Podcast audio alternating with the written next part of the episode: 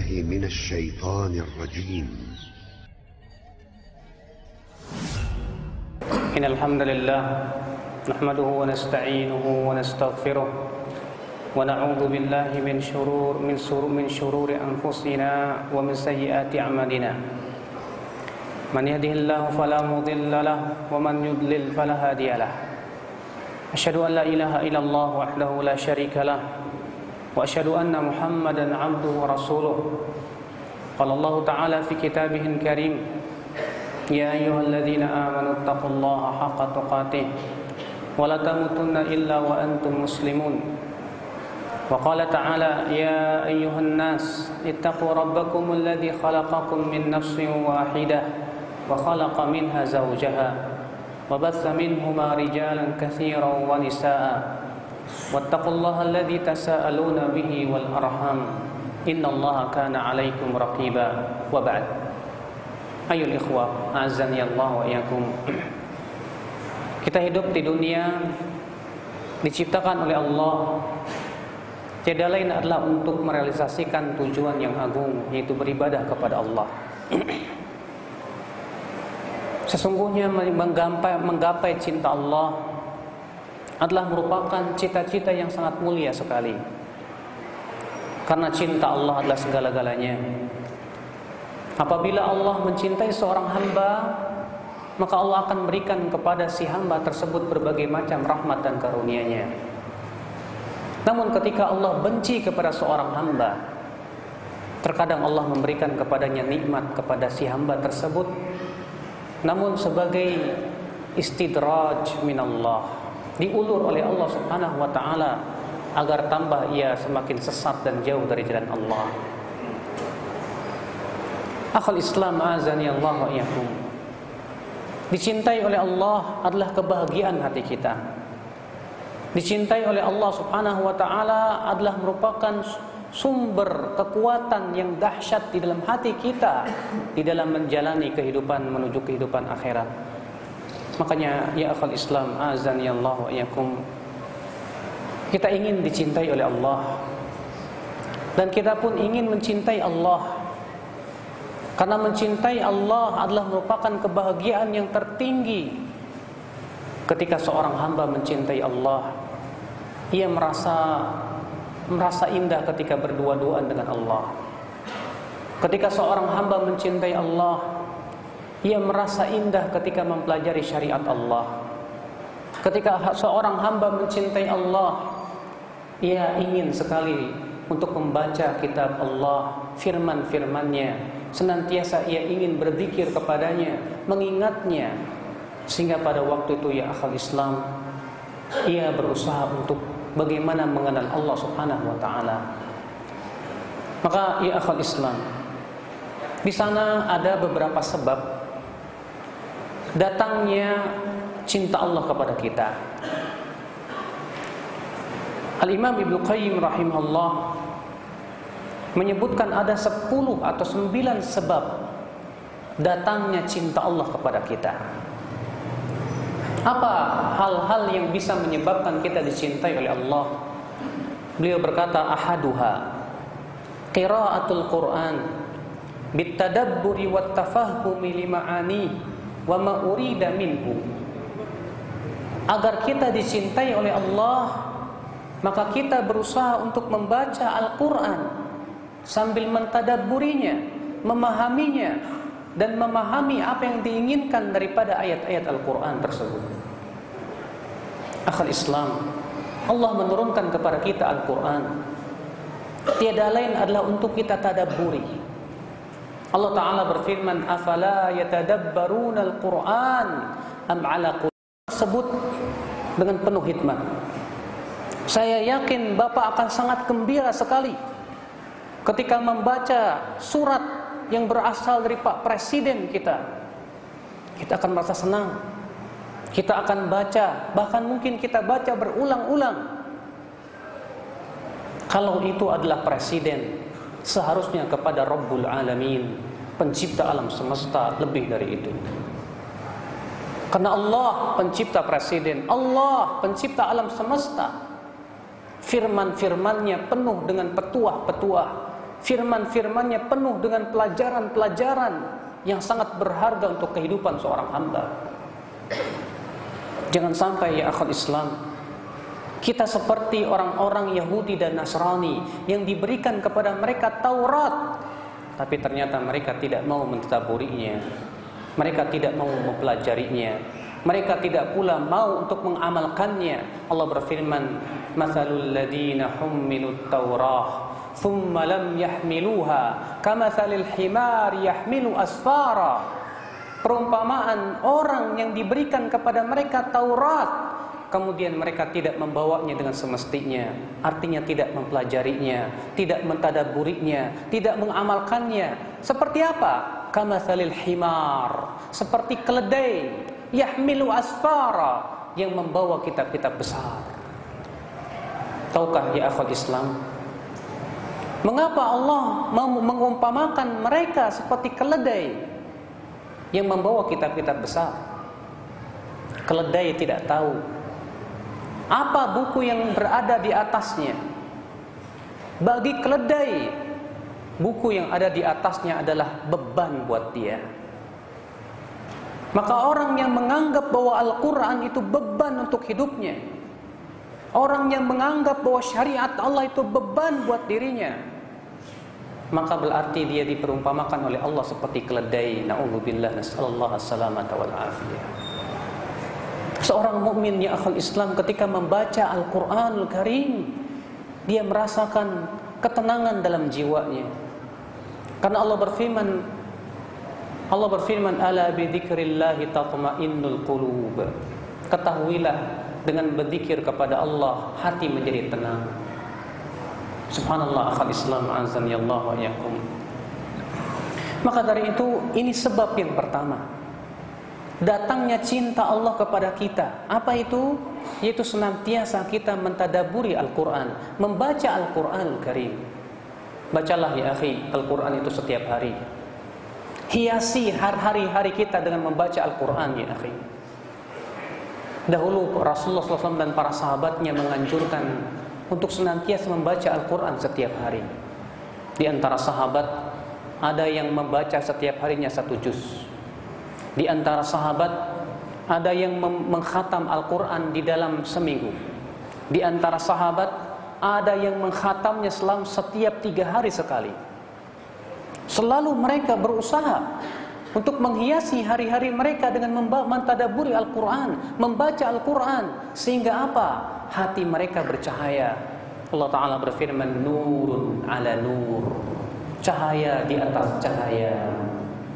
Kata para ulama, tafsir cahaya Al-Quran di atas cahaya iman. Orang yang beriman hatinya bercahaya. Ketika ia membaca Al-Quran, maka hatinya semakin bercahaya. Subhanallah. Maka siapa yang ingin dicintai oleh Allah ya akhi, maka tadaburilah Al-Quran. Bacalah Al-Quran. Rasulullah SAW bersabda, "Iqra'ul Quran bacalah oleh kalian Al-Quran fa innahu ya'ti yaumal qiyamah syafi'an li ashabi karena sesungguhnya ia akan datang kelak pada hari kiamat memberikan syafaat untuk orang yang membacanya. Dalam riwayat Abu Daud dan hadis riwayat Muslim. Ya'ti Al-Quran was saum yaumal qiyamah. Nanti kata Rasulullah pada hari kiamat Al-Quran dan puasa akan datang maka Al-Quran berkata, Ya Rabb, mana'tuhun naum bil lail, fasyafi'ni fih. Ya Rabb, aku dahulu mencegah ia untuk tidur di waktu malam. Ia sibuk di waktu malam membacaku, Ya Allah. Maka berikan kepadanya syafaat untuknya. Subhanallah akhal Islam azan ya Allah wa. Maka dari itu ya akhi, hati yang dipenuhi dengan Al-Quran itu adalah hati yang pasti akan mencintai Allah. Sebutkan dalam hadis yang dikutip Tabrani dan yang lainnya. Ketika seseorang di alam kuburnya didatangi oleh malaikat.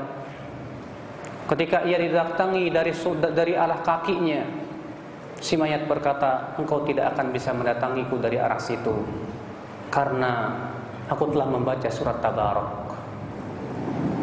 Lalu ia datang dari arah kepalanya, Si mayat berkata, engkau tidak bisa mendatangiku dari, dari, dari arah itu. Karena aku sudah membacakannya surat Tabarak. Lalu ia mendatanginya dari arah dadanya. Ia berkata, engkau tidak akan bisa mendatanginya. Karena di dadaku ada surat Tabarak. Makanya para sahabat Rasulullah SAW memperhatikan surat Tabarak setiap malamnya. Dan mereka menganggap bahwa surat Tabarak adalah merupakan najiyah minan nar itu yang menyelamatkan seseorang dari api neraka dari adab kubur. Subhanallah. Akal Islam. Maka dari itu ya akal Islam ini yang pertama sebab yang pertama. Seseorang akan dicintai oleh Allah subhanahu wa ta'ala itu dengan cara ia banyak membaca Al-Quran mentadaburi Al-Quran. Sangat rugi akhir di zaman ini. Banyak pemuda mereka lebih hafal lagu-lagu nyanyian-nyanyian ketimbang menghafal Al-Quran. Sangat disayangkan di zaman ini, akhi. Di TK-TK anak-anak kecil lebih banyak diajarkan nyanyian-nyanyian dibandingkan dengan membaca Al-Quran. Padahal kata Rasulullah dalam sebuah riwayat yang sahih dari Imam Ahmad dalam musnadnya, la an yumla'a batnu ahadikum qayhan wa sadidan. Lebih baik perut seseorang dipenuhi dengan darah dan nanah itu daripada dipenuhi dengan nyanyian-nyanyian kata Rasulullah sallallahu alaihi wasallam. Banyak di antara kita banyak di antara kita pemuda-pemudanya anak-anaknya mereka lebih hafal nyanyian-nyanyian. Mereka bahkan pintar ya untuk bernyanyi, tapi untuk membaca Al-Qur'an mereka tinggalkan. Hatinya kosong dari Al-Qur'an. Keinginannya tidak ingin membaca Al-Qur'an dan memang betul di akal Islam. Apa yang dikatakan oleh Imam Ibn Qayyim rahimahullah, la yajtami'u fi qalbi 'abdi mahabbatan tidak akan berkumpul pada hati seorang hamba dua cinta. Cinta Al-Quran dan cinta nyanyian. Siapa yang cinta kepada nyanyian ia tidak akan cinta kepada Al-Quran. Siapa yang cinta kepada Al-Quran ia tidak akan cinta kepada nyanyian. Karena ia lebih merasakan ketenangan dengan mendengarkan ayat-ayat Al-Quran bukan dengan mendengarkan nyanyian-nyanyian Akhul Islam azani Allah wa yakum. Maka inilah ya akhi, ketika seorang hamba telah cinta Al-Qur'an di mana Al-Qur'an telah mendarah daging di hatinya sehingga akhirnya hatinya selalu dihiasi dengan Al-Qur'an. Maka di sanalah ya akhul Islam ia akan mendapatkan kebahagiaan dalam hidupnya. Ingat ya akhi, seseorang apabila membiasakan sesuatu, biasanya ia akan meninggal di atas sesuatu itu. Kalau kita membiasakan dalam hidup kita dengan membaca Al-Quran, maka kita insya Allah akan meninggal dalam keadaan membaca Al-Quran di atas Al-Quran. Tapi kalau kita membiasakan hidup kita dengan nyanyian dan selain Al-Quran, ia akan meninggal di atas seperti yang ia biasakan. Dan kata para ulama, Waman mata ala syai'in bu'itha alaih. Dan siapa yang meninggal di atas sesuatu, maka ia akan dibangkitkan di atas sesuatu tersebut kelak pada hari kiamat. Semoga Al-Quran senantiasa menghiasi hati-hati kita ya akhir Islam. Semoga Allah subhanahu wa ta'ala menjadikan hati kita cinta kepada Al-Quran. Kemudian sebab yang kedua kata Al-Imam Ibn Qayyim rahimahullah datangnya cinta Allah kepada kita. Yaitu at-taqarrub ila Allah bin nawafil ba'dal fara'id. Fa innaha tusiluhu ila darajatil mahbubah ba'dal mahabbah. Yaitu banyak-banyak bertaqarrub kepada Allah dengan melakukan amalan-amalan yang sunnah-sunnah selain yang wajib-wajib. Ini berdasarkan hadis yang diriwayatkan Imam Abu Daud dan yang lainnya di mana Rasulullah SAW bersabda Allah Taala berfirman Wa ma taqarraba ilayya 'abdi bi syai'in ahabbu ilayya mimma aftaradtu alaih Tidaklah hambaku bertakarrub kepadaku dengan sesuatu yang paling aku cintai dari apa yang aku wajibkan kepadanya. Yazalu 'abdi yataqarrabu ilayya bin nawafil hatta uhibbah dan senantiasa seorang hamba bertakarub kepadaku dengan melakukan yang sunnah-sunnah sampai aku mencintai dia kata Allah. Fa idza ahbabtu apabila aku telah mencintai dia fakuntu sam'ahu aku akan menjadi pendengaran yang ia mendengar dengannya penglihatan yang ia melihat dengannya tangan yang ia bergerak dengannya demikian pula kaki yang ia berjalan dengannya subhanallah di sini dalam hadis qudsi yang sahih ini akhul Islam Allah Subhanahu wa taala mengatakan bahwa seorang hamba senantiasa ia melakukan yang sunnah-sunnah sampai Allah mencintai dia. Subhanallah ya akhul Islam. Mengamalkan amalan yang sunnah mempunyai keutamaan yang agung di sisi Allah Subhanahu wa taala. Al-Hafidh Ibnu Hajar Al-Asqalani rahimahullah di dalam kitab Fathul Bari ketika mensyarah hadis bahwasanya yud'a ahlul jannah bahwa penduduk surga akan dipanggil ke pintu surga sesuai dengan amalannya. Orang yang punya kelebihan amalan puasa maka akan dipanggil dari pintu rayyan. Orang yang mempunyai kelebihan dalam amalan solat Maka akan dipanggil dari pintu solat. Orang yang mempunyai kelebihan dalam dalam zikir Akan dipanggil dari pintu zikir. Orang yang mempunyai kelebihan di dalam sodakah Maka akan dipanggil dari pintu sodakah Kata Al-Hafidh Ibn Hajar Ketika menjelaskan ini Maksudnya kata beliau Kelebihan yang dimaksudkan di dalam hadis ini adalah kelebihan dalam amal ibadah sunnah, bukan amal ibadah yang wajib. Sebab kalau itu kelebihan dalam hal yang wajib, semua kaum muslimin wajib melakukan sesuatu yang wajib. Maka subhanallah, kalau kita diberikan oleh Allah kekuatan untuk puasa sunnah, alhamdulillah, maka kita akan masuk ke dalam surga dari pintu pintu rayyan namanya. Kalau kita diberikan oleh Allah kekuatan untuk melaksanakan puasa apa salat-salat sunnah, maka kita akan masuk ke dalam surga dari pintu salat. Subhanallah. Nah, sekarang kita yang menjadi pertanyaan buat kita Bapak sekalian, apa kelebihan kita dalam di dalam amalan-amalan sunnah kita? Apa kelebihan kita di dalam amalan-amalan sunnah kita? Puasa terkadang kita kurang memperhatikan tentang puasa sunnah. Salat sunnah kurang juga. Zikir banyak kita lupa. Sodako sedikit kita sodako. Lalu dari pintu apa kita akan dipanggil oleh Allah Subhanahu Wa Taala? Maka ya akhul Islam azani Allah wa yakum mengamalkan amalan yang sunnah mendatangkan cinta Allah kepada kita. Dengan amalan yang sunnah Seseorang diberikan oleh Allah banyak keutamaan-keutamaan. Tahukah Bapak sekalian? Rasulullah SAW bersabda dalam hadis yang dikeluarkan Tirmidzi, "Man hafadha ala thintai asyrata raq'ah." Siapa yang menjaga 12 rakaat sehari semalam, bunya lahu qasrun fil jannah, maka akan dibangunkan untuknya sebuah istana di dalam surga. Subhanallah. Apa itu 12 rakaat itu Pak? Qabliyah subuh 2 rakaat, Qabliyah zuhur 4 rakaat, Ba'diyah zuhur 2 rakaat, Ba'diyah maghrib 2 rakaat, dan Ba'diyah isya 2 rakaat. Maka siapa yang menjaga ini kata Rasulullah Maka akan dibangunkan sebuah istana di dalam surga Luar biasa Ternyata istana itu kita dapatkan dengan cara mengamalkan amalan yang sunnah tersebut. Luar biasa ya akal Islam azan ya Allah. Seseorang mengamalkan yang sunnah.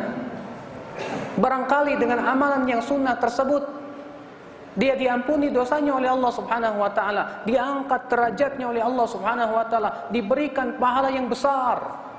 dalam hadis yang diriwayatkan oleh Imam Abu Dawud dan yang lainnya bahwa Rasulullah sallallahu alaihi wasallam bersabda man tasaddaqa bi'adli tamratin min kasbin tayyibin. Siapa yang bersedekah dengan sebut sebut dengan sebutir kurma dari usaha yang halal taqabbalallahu biyaminihi Allah akan terima dengan tangan kanannya. Fayurabbiha kama yurabbi ahadukum faluwah hatta takuna mithlal jabal kata Rasulullah lalu Allah akan kembang biakan terus sodakohnya tersebut sehingga menjadi sebesar gunung Uhud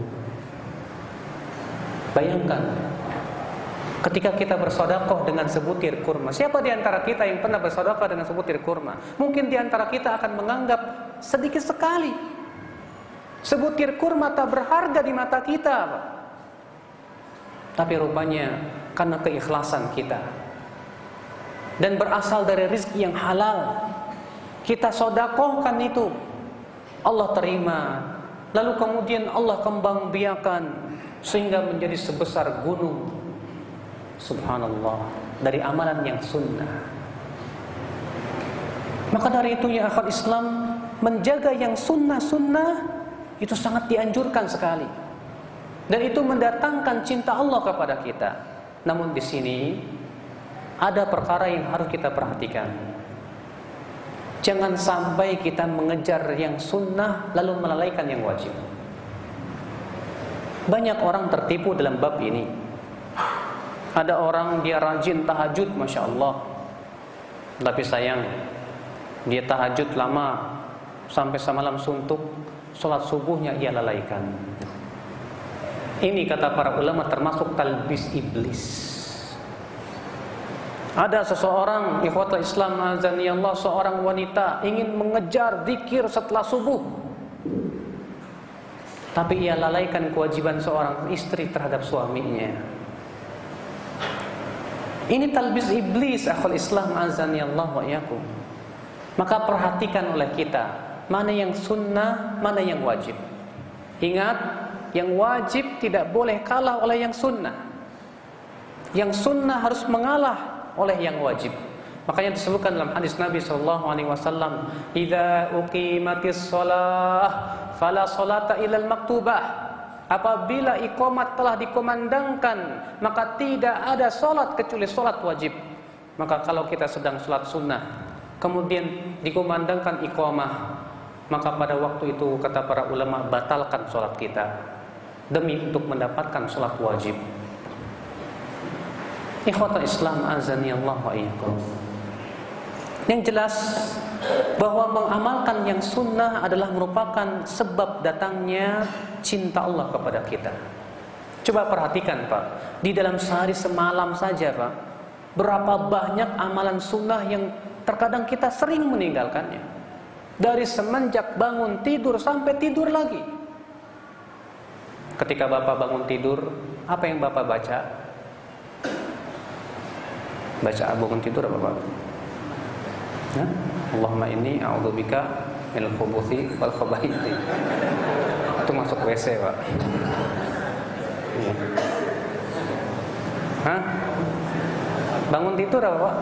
Alhamdulillahilladzi ahyana ba'dama amatana wa ilaihin nusyur. Rasulullah SAW apabila bangun tidur, beliau duduk dulu, Pak. Lalu beliau usap kepalanya, Beliau usap wajahnya.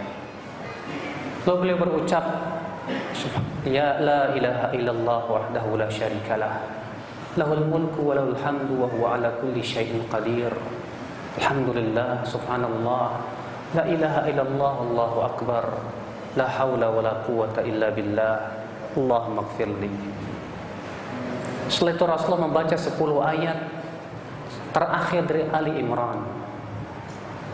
Kemudian setelah itu Rasulullah bangkit untuk berwudu dan hadisnya sahih dari Imam Bukhari dan Muslim. Baru bangun tidur saja kita sudah dapat pahala. Bayangkan akal Islam dan ternyata dengan mengamalkan yang sunnah kita selamat dari syaitan. Kata Rasulullah, "Idza nama al-'abdu aqada syaitan ala qafiyati ahadikum thalatha 'uqad." apabila seorang hamba tidur, maka setan akan mengikat kepalanya dengan tiga ikatan. Setiap ikatan itu ditiup padanya, alaika lailun tawil farkud. Malam masih panjang, tidur saja. Fa'idha stayqadha wa dhakarallah in halat uqdah apabila ia bangun tidur dan berzikir kepada Allah akan terlepas satu ikatan kata Rasulullah. Fa in dhahaba yatawadda in halat uqdah apabila ia berwudu akan lepas lagi satu ikatan kata Rasulullah. Fa in shalla kalau ia salat akan lepas lagi ikatan semuanya. Fa asbaha nasyitan tayyiban nafs maka di waktu pagi ia menjadi semangat dan jiwanya baik. Wa illa khabithan nafsi kaslan. Kalau ia tidak lakukan itu apa yang terjadi? Jiwanya akan buruk dan malasnya untuk berbuat ketaatan kepada Allah. Padahal tiga perkara ini aku semua akhir Islam hukumnya sunnah. Membaca dikir setelah ketika tidur eh, bangun tidur sunnah lalu kita berwudu, lalu sholat ya, tahajud sunnah. Tapi dengan itu kita lebih bisa lepas dari ikatan syaitan. Sehingga di waktu pagi jiwa kita menjadi baik kata Rasulullah dalam keadaan semangat untuk berbuat ketaatan kepada Allah. Subhanallah. Berarti akhi yang sunnah ini fungsinya besar sekali. Kemudian kita pun, pun setelah sholat tahajud pergi ke masjid sholat subuh. Lalu kita duduk setelah sholat subuh sampai matahari terbit. Sementara disebutkan dalam riwayat Tirmidzi dalam dalam sunannya dan hadis ini hasan sahih kata Imam Tirmidzi dan hadis ini sahih. Apa kata Rasulullah? Man shalla ma'al subha ma'al jamaah. Siapa yang sholat subuh berjamaah. Thumma jalasa fi majlisihi Kemudian setelah itu ia duduk di tempat duduknya. Yadkurullah ta'ala. Ia berzikir kepada Allah. Hatta tatlu asyamsu. Sampai matahari terbit. Thumma yusalli rak'atain. Kemudian setelah itu ia sholat dua rakaat. Maka ia pulang ke rumahnya. Dengan membawa pahala haji dan umroh. Sempurna haji dan umrohnya. Subhanallah. Sebatas kita berzikir setelah sholat subuh. Berzikir sampai matahari terbit. Setelah matahari agak tinggi kita sholat dua rakaat. Kita pulang ke rumah kita. Di dalam kita dalam keadaan kita mendapatkan pahala besar kata Rasulullah membawa pahala haji dan umroh sempurna haji dan umroh. Luar biasa bapak sekalian. Di waktu duha ada yang namanya sholat apa Salat sunnah duha. Tahukah bapak-bapak sekalian bagaimana besarnya salat duha? Pahalanya di sisi Allah. Disebutkan dalam hadis-hadis yang sahih akal Islam tentang keutamaan salat duha di antaranya apa? bahwasanya setiap paginya ada 360 sendi dari tubuh kita yang harus dipenuhi sodakonya kata Rasulullah. Di dalam tubuh kita, kata Rasulullah, ada 360 sendi yang harus dipenuhi sodakohnya. Waktu jizi anha atau duha, kata Rasulullah. 360 ini bisa dipenuhi oleh dua rakaat duha. Dalam satu riwayat yang lain, siapa yang bersodakoh sebanyak 360, berarti ia telah memerdekakan dirinya dari api neraka. Lalu kemudian para sahabat berkata, "Wahai Rasulullah, siapa di antara kami yang mampu bersodako 360 kali dalam sehari?" Kata Rasulullah, "Itu bisa dicukupi dengan dua rakaat duha." Subhanallah. Tapi berapa banyak kita lalai dari salat salat sunnah duha? Berapa banyak akal Islam sunnah-sunnah yang kita banyak tinggalkan sehari semalam? Padahal subhanallah amal ibadah sunnah itu bisa mendatangkan cinta Allah kepada kita sebagaimana dalam hadis yang salah saya sebutkan tadi. Kemudian akal Islam azan Allah wa yakum. Al Imam Ibnu Qayyim menyebutkan yang ketiga atau sebab yang ketiga datangnya cinta Allah kepada kita. Dawamu dzikrih ala kulli halin bil lisani wal qalbi wal amal wal hal fanasibuhu minal mahabbah ala qadri nasibihi minal dzikr yaitu senantiasa berzikir kepada Allah pada setiap keadaan dengan lisannya dengan hatinya maka semakin seseorang banyak cintanya kepada Allah dan semakin seseorang banyak zikirnya kepada Allah semakin ia dicintai oleh Allah Subhanahu wa taala. Bapak sekalian, para ulama mengatakan tanda cinta itu seseorang akan banyak mengingat sesuatu itu. Kalau dulu dahulu Bapak jatuh cinta kepada istri Bapak, saya yakin Bapak akan selalu ingat dia. Kenapa? Karena Bapak mencintai dia. Maka orang yang cinta kepada sesuatu, pastilah ia akan selalu ingat sesuatu tersebut. Kalau kita mengaku bahwa kita cinta kepada Allah, tentunya kita semakin banyak berzikir kepada Allah Subhanahu Subhanahu wa taala. Maka orang semakin cinta kepada Allah, semakin ia akan banyak mengingat Allah Subhanahu wa taala. Semakin kurang cintanya kepada Allah, semakin kurang zikirnya kepada Allah Subhanahu wa taala. Makanya ya afal Islam, orang munafik Pak disifati oleh Allah jarang berzikir kepada Allah. Allah berfirman dalam surat An-Nisa, "Innal munafiqina yukhadi'una Allah wa huwa khadi'uhum." وإذا قاموا إلى الصلاة قاموا كسالى يراؤون الناس ولا يذكرون الله إلا قليلا Sesungguhnya orang munafik itu kata Allah menipu Allah dan Allah akan membalas tipuan mereka. Apabila mereka berdiri untuk sholat, mereka berdiri dengan malasnya dan itu pun ria ingin dilihat oleh manusia. Wala yadkurunallaha illa qalila dan mereka tidak berzikir kepada Allah kecuali sedikit saja. Subhanallah akal Islam. Jangan sampai kita termasuk orang-orang yang disifati oleh Allah dalam Al-Quran ini, Pak. Di mana orang munafik itu tandanya kata Allah apa? Kalau berdiri sholat malas, dipanggil adzan ayya ala sholat, malas ia untuk pergi ke masjid. Ia lebih memilih tempat tidurnya lebih memilih syahwat tidurnya daripada dia harus pergi ke masjid. Kalau mau sholat dia malas sekali. Kalaupun dia sholat, dia ingin secepatnya selesai dari sholat. Berarti kalau kita seperti itu, Pak, di dalam hati kita ada kemunafikan. Naudzubillah. Kemudian Allah mengatakan tanda yang kedua orang munafik apa? Wala yadhkurunallaha illa qalila mereka tidak berzikir kepada Allah kecuali sedikit saja. Berapa kali kita berzikir? Ya akhi, Rasulullah SAW menganjurkan kepada kita banyak berzikir.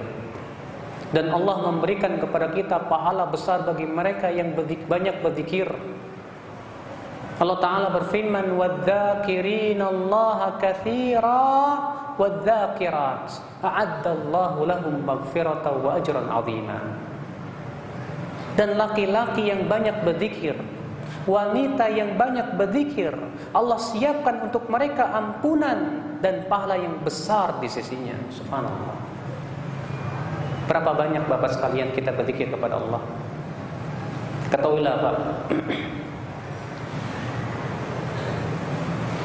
Zikir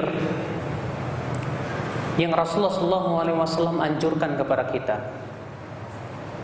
kalau bisa paling sedikit itu 360. Sudah saya sebutkan tadi hadisnya Pak. Bahwa manusia itu di dalam tubuhnya ada 360 sendi. Dan 360 sendi ini kata Rasulullah harus dipenuhi sodakohnya. Dan Rasulullah menyebutkan bahwa subhanallah sodakoh, tahlil sodakoh, takbir sodakoh, tahmid sodakoh. Kalau kita berzikir sejumlah 360, berarti kita sudah memerdekakan diri kita dari api neraka. Apalagi kalau kita menjaga ya akal Islam, zikir-zikir yang telah Rasulullah SAW ya sampaikan kepada kita. Dikir pagi dan petangnya kita jaga. Dikir ketika pakai bajunya kita jaga. Dikir ketika makan kita jaga. Dikir ketika masuk rumah kita jaga. Sehingga dengan menjaga dikir itu ya akhi, kita akan terlindung dari syaitan ya. Disebutkan dalam hadis yang riwayat Muslim dan sahihnya, "Idza dakhala ahadukum wa lam yadhkur ismallahi alaih" Apabila seseorang masuk rumah dan tidak membaca zikir kepada Allah, qala syaitan, berkatalah syaitan, malam ini aku bisa mendapatkan tempat tinggal. Kalau dia makan dan dia lupa membaca zikir, setan akan berkata, malam ini aku mendapatkan makan malam. Masya Allah. Terkadang sering kali Pak, kita masuk ke rumah lupa baca bismillah. Masuk aja.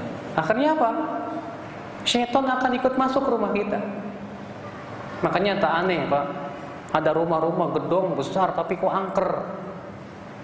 Ya, ada yang berkata, Ustadz saya punya rumah kok banyak jinnya, kenapa itu?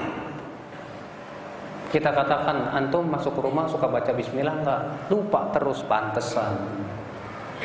Ya, antum masuk rumah enggak baca bismillah. Istri antum baca, masuk rumah enggak baca bismillah. Anak antum masuk rumah enggak baca bismillah. Setiap mereka yang masuk itu setan masuk terus, Pak. Subhanallah akal Islam. Tapi dengan cara berzikir kepada Allah, maka syaitan tidak akan bisa masuk ke dalam rumah kita. Ketika kita makan, kita baca bismillah, setan tidak akan ikut makan bersama kita.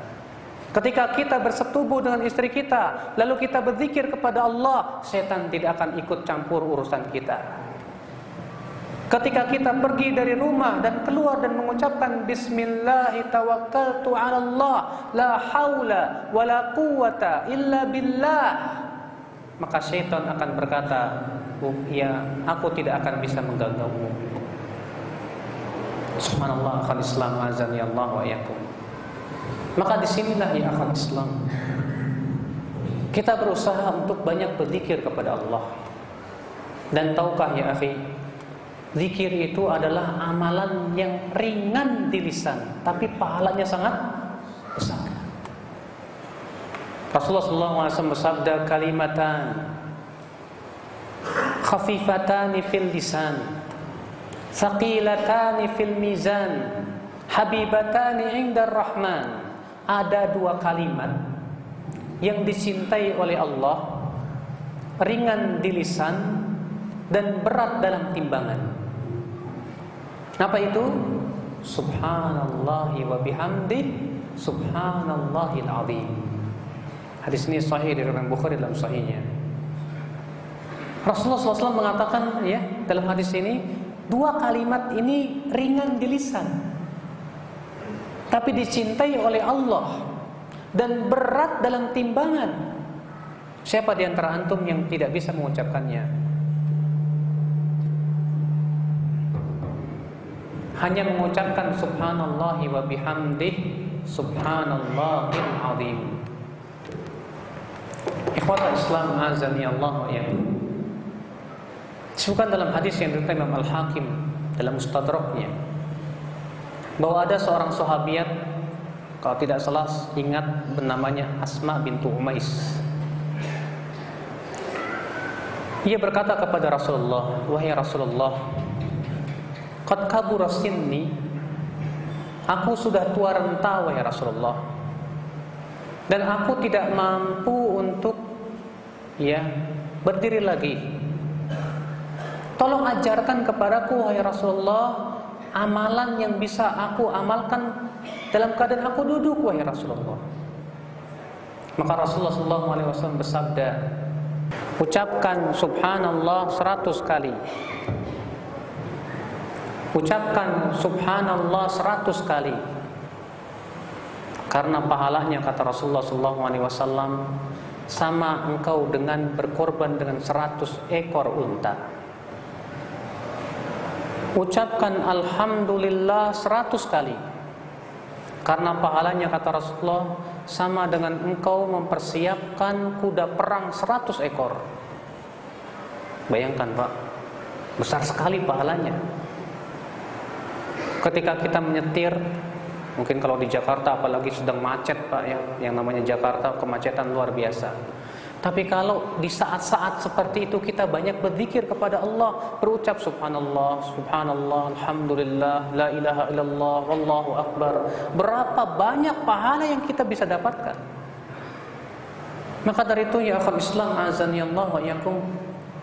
Di sini ya, yang ketiga yaitu Sebab datangnya cinta kepada Allah Subhanahu wa taala yaitu dawamu dzikrihi ala kulli hal.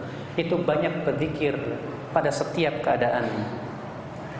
Yang keempat, sebab datangnya cinta Allah kepada kita yaitu isaru mahabbihi ala mahabbika inda ghalabatil hawa. Nah, ini berat, Pak. Yaitu lebih mendahulukan cinta Allah daripada hawa nafsu dan syahwat kita. Dan ini berat. Kenapa demikian? Karena apa? Pertama, hawa nafsu kita selalu mendorong kepada keburukan. Manusia punya syahwat tidak? Punya. Syahwat itu terkadang sering kali Pak mendorong kita kepada kemaksiatan. Tahukah akal Islam azani Allah wa iyakum? Maksiat-maksiat itu ternyata disukai oleh syahwat, Pak. Zina disukai oleh syahwat. Demikian pula cinta dunia, manusia punya cinta dunia. Orang berlomba kepada kedudukan. Demikian pula ya terkadang seseorang karena cinta dunia, akhirnya dia menghalalkan segala cara karena dia atau seseorang cinta kepada kedudukan, dia tidak peduli halal dan haram. Kemudian yang ke empat yaitu isaru mahabbihi ala mahabbika inda ghalabatil hawa. Kita lebih mendahulukan cinta Allah daripada cinta kepada hawa nafsu dan syahwat kita. Dan ini berat Bapak sekalian. Kenapa demikian? Sudah saya sebutkan tadi bahwa hawa nafsu itu selalu menjuruh kepada keburukan. Hawa nafsu selalu ingin agar kita berbuat maksiat kepada Allah. Oleh karena itulah Rasulullah SAW menyebutkan tentang hakikat mujahid. Siapa dia mujahid? Dalam hadis yang dikeluarkan oleh Ibnu Najjar dari hadis Abu Dhar Wa Rasulullah wasallam bersabda, "Al-mujahidu man jahada nafsahu li ta'atillah." Orang yang berjihad itu hakikatnya yaitu yang menjihadi dirinya, hawa nafsunya untuk mentaati Allah Subhanahu wa taala. Itulah hakikat mujahid ya akhul Islam azani Allah wa iyyakum. Terlebih akhi ya akhul ya akhul Islam. Dalam hadis yang diriwayatkan Imam Nasai Rasulullah SAW bersabda, "Huffatil jannatu lil makari, bil makari." Surga itu dikelilingi dengan yang berat-berat. Maksudnya berat apa? Maksudnya berat terhadap hawa nafsu kita dan jiwa kita. Makanya ketaatan itu rata-rata berat untuk hati kita. Kalaulah ketaatan itu ringan, saya yakin Pak banyak orang akan berbuat taat kepada Allah. Tapi ketika ketaatan itu berat, kita lihat banyak orang yang ketika mentaati Allah berat, sekali. Pergi ke sholat, dia ke masjid untuk sholat berjamaah. Ternyata banyak sekali orang yang lalai daripada itu. Saya yakin Pak di sekitar masjid ini banyak sekali kaum muslimin. Tapi coba lihat ketika sholat subuh berapa saf yang datang. Berapa banyak yang datang. Tapi kalau diumumkan di masjid, Bapak nanti setelah sholat subuh ada pembagian duit satu orangnya satu juta. Saya yakin Pak jam 3 malam itu sudah penuh masjid. Kenapa Bapak sekalian? Karena banyak di antara manusia lebih termotivasi oleh dunia daripada pahala. Tes. Ya karena banyak di antara kita lebih termotivasi oleh iming-imingan dunia daripada pahala. Kalau dipanggil hayya 'alal falah. Apa artinya hayya 'alal falah? Mari kepada keberuntungan. Ketika dipanggil hayya 'alal falah misalnya. Mari kepada keberuntungan. Ketika kita bacakan hadis-hadis tentang keutamaan berjalan ke masjid, kita bacakan tentang besarnya pahala sholat berjamaah. Banyak di antara kita bapak sekalian lebih memilih di rumahnya daripada di masjid. Padahal pahala di masjid luar biasa sekali besarnya di Allah Subhanahu wa taala. Kenapa ini menunjukkan bahwa memang mentaati Allah itu berat, bukan sesuatu yang ringan. Hawa nafsu selalu ya menyuruh kepada keburukan. Allah berfirman, "Innan nafsa la'ammaratun bisu." Sesungguhnya jiwa atau hawa nafsu itu kata Allah, la'ammaratun bisu, selalu menyuruh manusia kepada keburukan. Sahih. Apalagi, Pak? Terkadang ketika kita mempunyai penghasilan yang haram, Lalu setelah itu kita tahu bahwa ternyata penghasilan kita haram. Wah, di situ ujiannya berat sekali. Ada orang kerja di sebuah bank konvensional yang jelas-jelas pasti berinteraksi dengan riba. Ketika disampaikan kepada dia, Pak, ini riba. Antum sudah berinteraksi dengan riba. Di situlah ujiannya berat sekali. Iya. Diuji antara cinta dia kepada Allah ya dengan kepentingan hawa hawa nafsu dirinya. Orang yang mencintai Allah dan orang yang dicintai oleh Allah, dia akan lebih memilih cinta Allah daripada dirinya. Dan memang berat subhanallah ini butuh pada perjuangan jihad yang tak pernah ada habis-habisnya selama hayat masih dikandung badan. Kita akan terus berjihad melawan hawa nafsu ini Bapak sekalian. Siapa yang berhasil mengalahkan hawa nafsunya Dia insya Allah sukses dalam kehidupan akhiratnya Dan siapa yang tidak berhasil menguasai hawa nafsunya Bahkan ia dikalahkan oleh hawa nafsunya Maka di akhirat jangan harapkan ia mendapatkan kesuksesan dan kebahagiaan Bukankah lebih baik kita sabar sedikit di dunia? Ya tidak Pak Sabar di dunia ini manfaat nggak Pak? Manfaat tapi sabar di akhirat manfaat tidak? Sudah tidak ada manfaatnya lagi. Allah Ta'ala berfirman Islauha Ya isbiru awla tasbiru.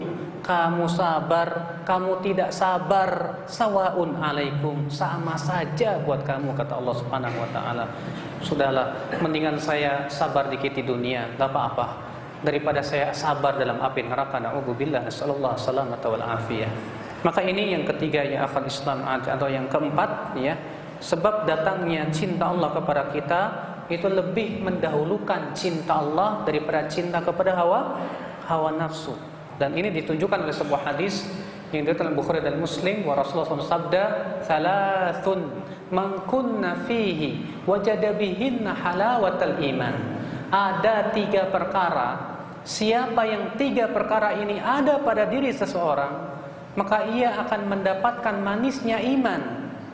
Apa itu yang pertama? Allah wa rasuluhu ahabba ilaihi mimma siwahuma. Allah dan Rasulnya lebih ia cintai daripada selain keduanya. Yang kedua apa? Wa, wa an yuhibbal mar'a la yuhibbuhu illa lillah. Dia mencintai seseorang cintanya karena Allah, bukan karena dunia, bukan karena ya sama-sama satu organisasi ataupun yang lain tidak, tapi ya cinta karena Allah. Yang ketiga kata Rasulullah, wa an yakraha an ya'uda fil kufur. Dia tidak suka untuk kembali kepada kekafiran.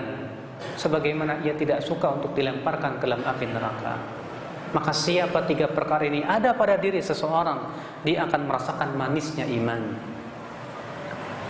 Kemudian yang kelima, mutala'atul qalbi li asma'ihi wa sifatihi wa musyahadatiha wa ma'rifatiha agar mendapatkan cinta Allah kita berusaha untuk mengenal Allah melalui nama dan sifatnya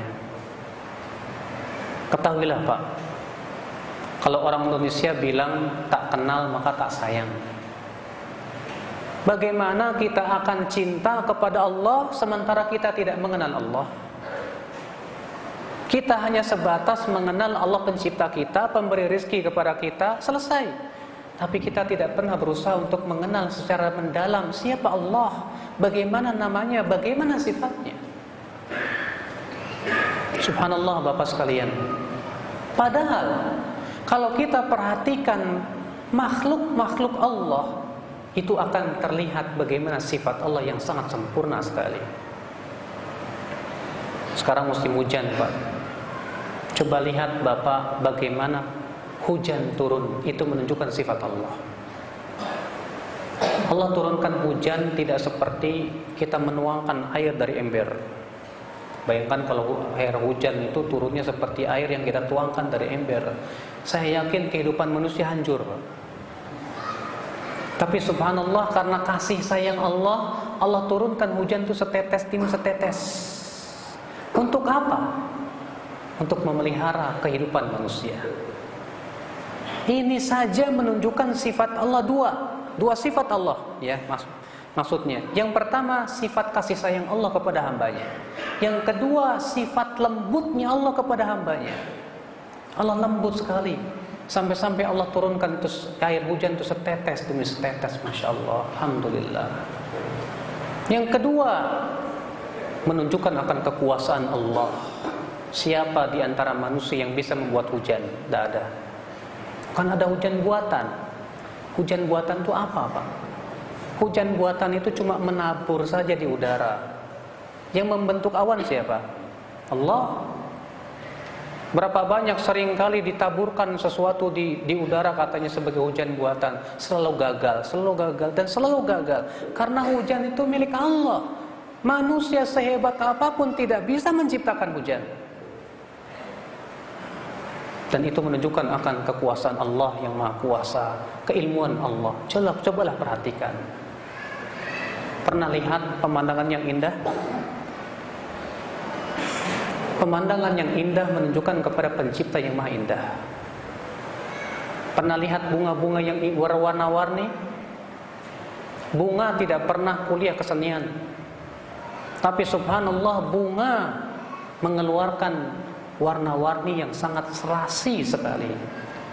Enak dipandang oleh mata kita. Siapa yang yang mengajarkan bunga itu untuk membuat warna-warni yang sangat serasi kalau bukan Allah? Makanya Pak, ya, kalau kita perhatikan makhluk-makhluk Allah ini akan kita dapati bagaimana sifat Allah yang sangat sempurna sekali. Karena Allah Maha Indah, berarti konsekuensinya apa Pak? Syariat Allah pun indah. Pasti. Islam agama yang indah.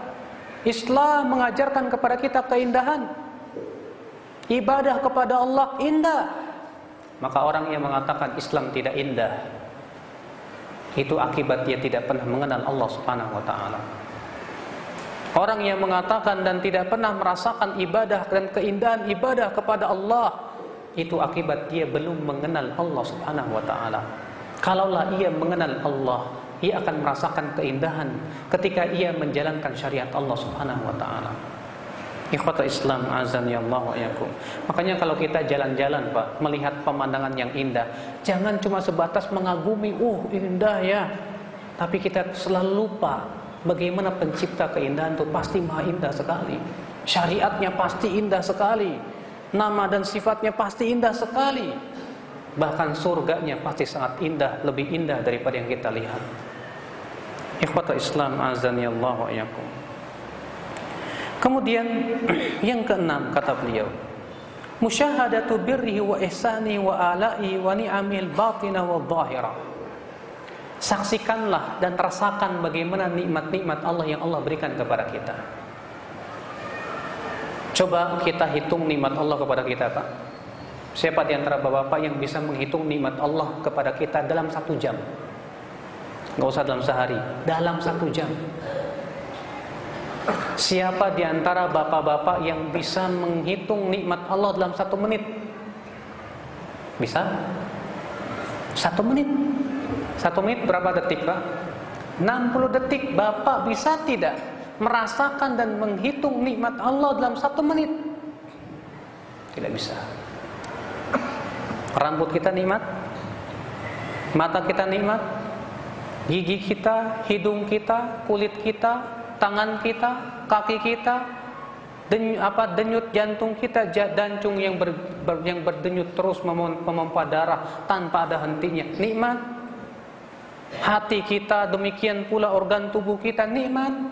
Belum lagi oksigen yang kita hirup nikmat. Belum lagi matahari yang Allah ciptakan untuk memberikan pemanasan di bumi nikmat. Belum lagi tanaman-tanaman, hewan-hewan nikmat. Satu menit saja kita tidak bisa menghitung nikmat Allah Subhanahu wa taala. Taib. Satu menit mungkin kebanyakan. Siapa yang bisa menghitung nikmat Allah dalam satu detik? Dalam satu detik saja kita tidak bisa menghitung nikmat Allah Subhanahu wa taala. Saksikan nikmat Allah itu, Pak. Ketika kita mengenal ini nikmat Allah sangat banyak sekali, maka itu akan menimbulkan rasa syukur kepada Allah. Akal Islam azan ya Allah wa yakum. Makanya ketika kita melihat nikmat-nikmat Allah yang sangat banyak kepada kita, itu akan menyebabkan kita selalu bersyukur alhamdulillah.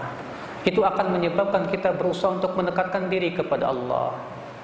Sehingga kita pun merasakan kasih sayang Allah kepada kita. Tapi Pak, ya itulah Pak ya, yang namanya setan menjadikan kita itu selalu lupa kepada nikmat Allah dan selalu yang kita ingat itu musibah yang Allah berikan kepada kita terus. Yang kita ingat, aduh kok Allah kasih saya sakit ya. Lupa kalau nikmatnya banyak sekali. Yang kita ingat kok Allah berikan kepada saya rezeki yang seret ya. Lupa akan nikmatnya yang banyak sekali. Yang kita ingat kok Allah berikan kepada saya kekurangan sementara teman saya kok diberikan kelebihannya. Lupa kepada nikmat Allah yang sangat banyak sekali. Makanya Al, Hasan Al Basri ketika menafsirkan firman Allah, Innal insana li rabbih lakanud dalam surat apa itu? Hah? Siapa yang tahu? Al Adiyat betul. Ya. Wal Adiyati dhabha. Ya. Sampai Allah mengatakan innal insana li rabbih lakanud. Siapa itu kanud? Al Hasan Al Basri berkata, al kanud alladhi ya'uddu masaib wa yansa ni'amallahi alaih. Yaitu orang yang selalu menghitung-hitung dan mengingat-ingat musibah yang menimpa dia dan lupa kepada nikmat yang Allah berikan kepada dia. Akibatnya apa? Kalau seseorang selalu mengingat musibah terus, cobaan terus yang menimpa dia, lupa kepada nikmat, akhirnya dia suudon kepada Allah. Ah, Allah sudah tidak sayang lagi kepada saya. Betul, Bapak.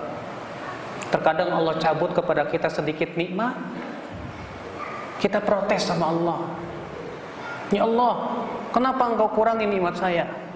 Padahal kalau kita ingat dan dan ingat akan nikmat Allah Subhanahu wa taala banyak sekali Bapak sekalian. Pernah ada seseorang datang kepada saya dan berkata, "Ustaz, saya dulu hidup kecukupan alhamdulillah. Tapi pada Allah usaha saya mengalami berbagai macam kegagalan-kegagalan sekarang nih. Sampai akhirnya saya harus memulai dari nol lagi. Saya sudah berdoa kepada Allah, ya Allah perbaiki kedaya keadaan saya ya Allah. Tapi sudah setahun saya berdoa kok nggak dikabul-kabulin ya. Akhirnya saya marah sama Allah. Saya berkata, ya Allah kalau tiga hari ini engkau tidak kabulkan doaku, saya nggak mau sholat. Masya Allah.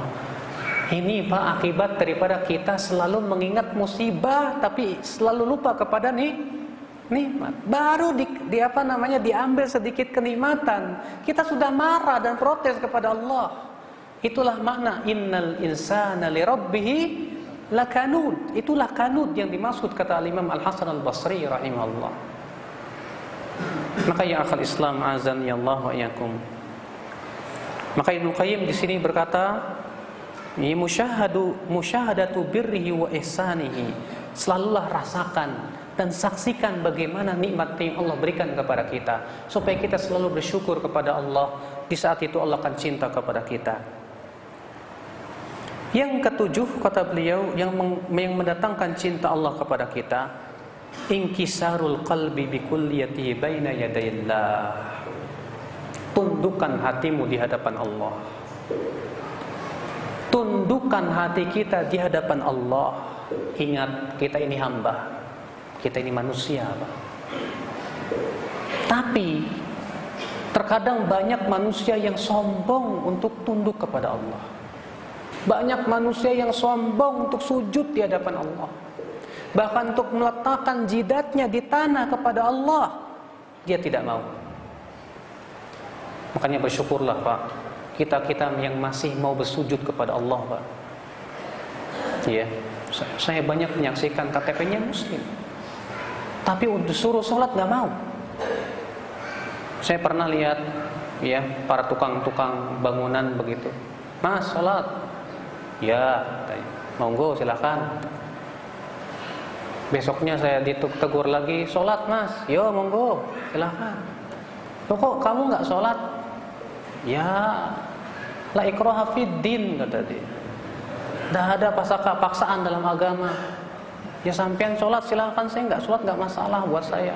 Yang masuk neraka kok saya. Masya Allah. Begitu sombongnya dia untuk ya untuk sujud kepada Allah saja nggak mau. La ilaha illallah ikhwata Islam azan ya Allah wa iyakum. Oleh karena itu ya akhi azan ya Allah wa iyakum. Seorang hamba yang betul-betul menundukkan hatinya di mata di hadapan Allah dan dia pun dia merendahkan dirinya di hadapan Allah. Itu tanda seorang hamba yang dicintai oleh Allah. Bapak tahu tidak Pak? Malaikat-malaikat yang sangat kuat dan besar saja tidak sombong untuk sujud kepada Allah. Bapak tahu bagaimana besarnya malaikat pemikul arash kata Rasulullah udhina li an uhadithakum an hamlatil arash aku diizinkan oleh Allah untuk menceritakan tentang besarnya malaikat pemikul arash yaitu jarak antara daging telinganya dengan pundaknya 700 tahun perjalanan. Iya. Tapi ternyata mereka tidak sombong untuk sujud kepada Allah, untuk beribadah kepada Allah. Ya Allah berfirman la yastan la yastanqifu al-masih ibn maryam wal malaikatul muqarrabun wa man yastanqib an ibadatihi wa yastakbir fasayahsyuruhum ilaihi jami'a Nabi Isa tidak sombong untuk beribadah kepada Allah. Tidak pula malaikat yang didekatkan mereka pun tidak sombong untuk beribadah kepada Allah. Tapi iblislah yang sombong. Disuruh sujud kepada Nabi Adam, iblis tidak mau. Maka orang yang tidak mau sujud kepada Allah dalam hidupnya, berarti ia sama dengan iblis. Nauzubillah. Makanya kata Rasulullah, "Wa man lam yuhafid ala salatihi." Siapa yang tidak mau menjaga salatnya, dia tidak mau memelihara salatnya, kelak pada hari kiamat dia akan berkumpul dengan Firaun, Qarun dan Haman. Masya Allah, kenapa? Dia tidak mau tunduk di mata Allah, di hadapan Allah Subhanahu wa taala. Makanya pujilah Allah. Ya. Ketika kita alhamdulillah bisa menentukan diri kita di mata Allah di hadapan Allah kita sujud dan mau sujud kepada Allah Alhamdulillah ini nikmat yang besar Pak kemudian yang yang kedelapan sebab datangnya cinta Allah kepada kita al khalwah bihi waqtan nuzulul ilahi berusahalah kita berdua-duaan dengan Allah di waktu malam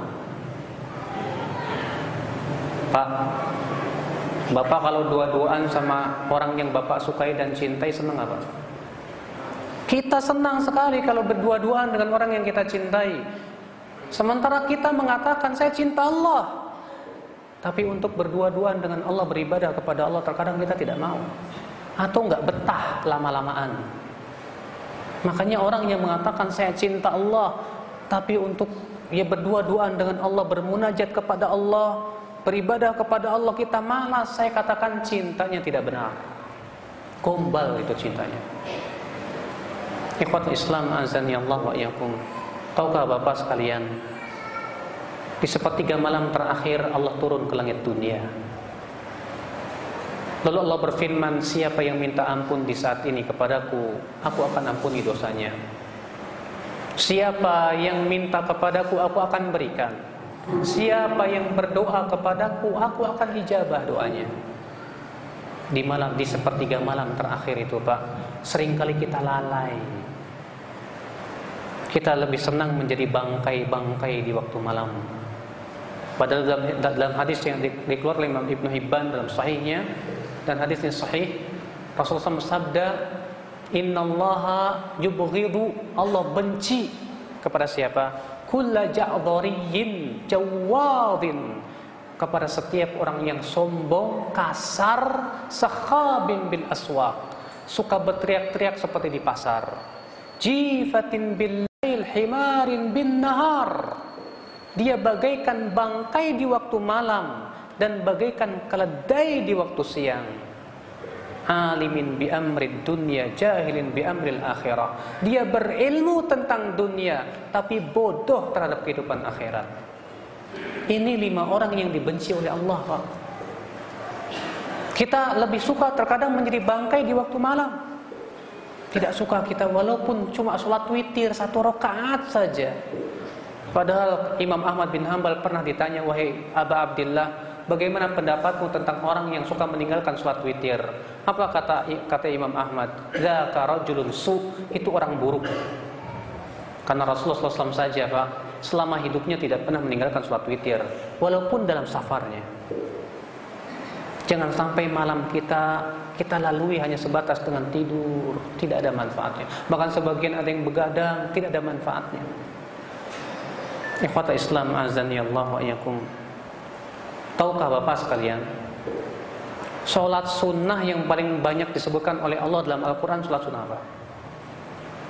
Siapa yang tahu? Sholat sunnah yang paling banyak disebutkan oleh Allah dalam Al-Quran Sholat sunnah tahajud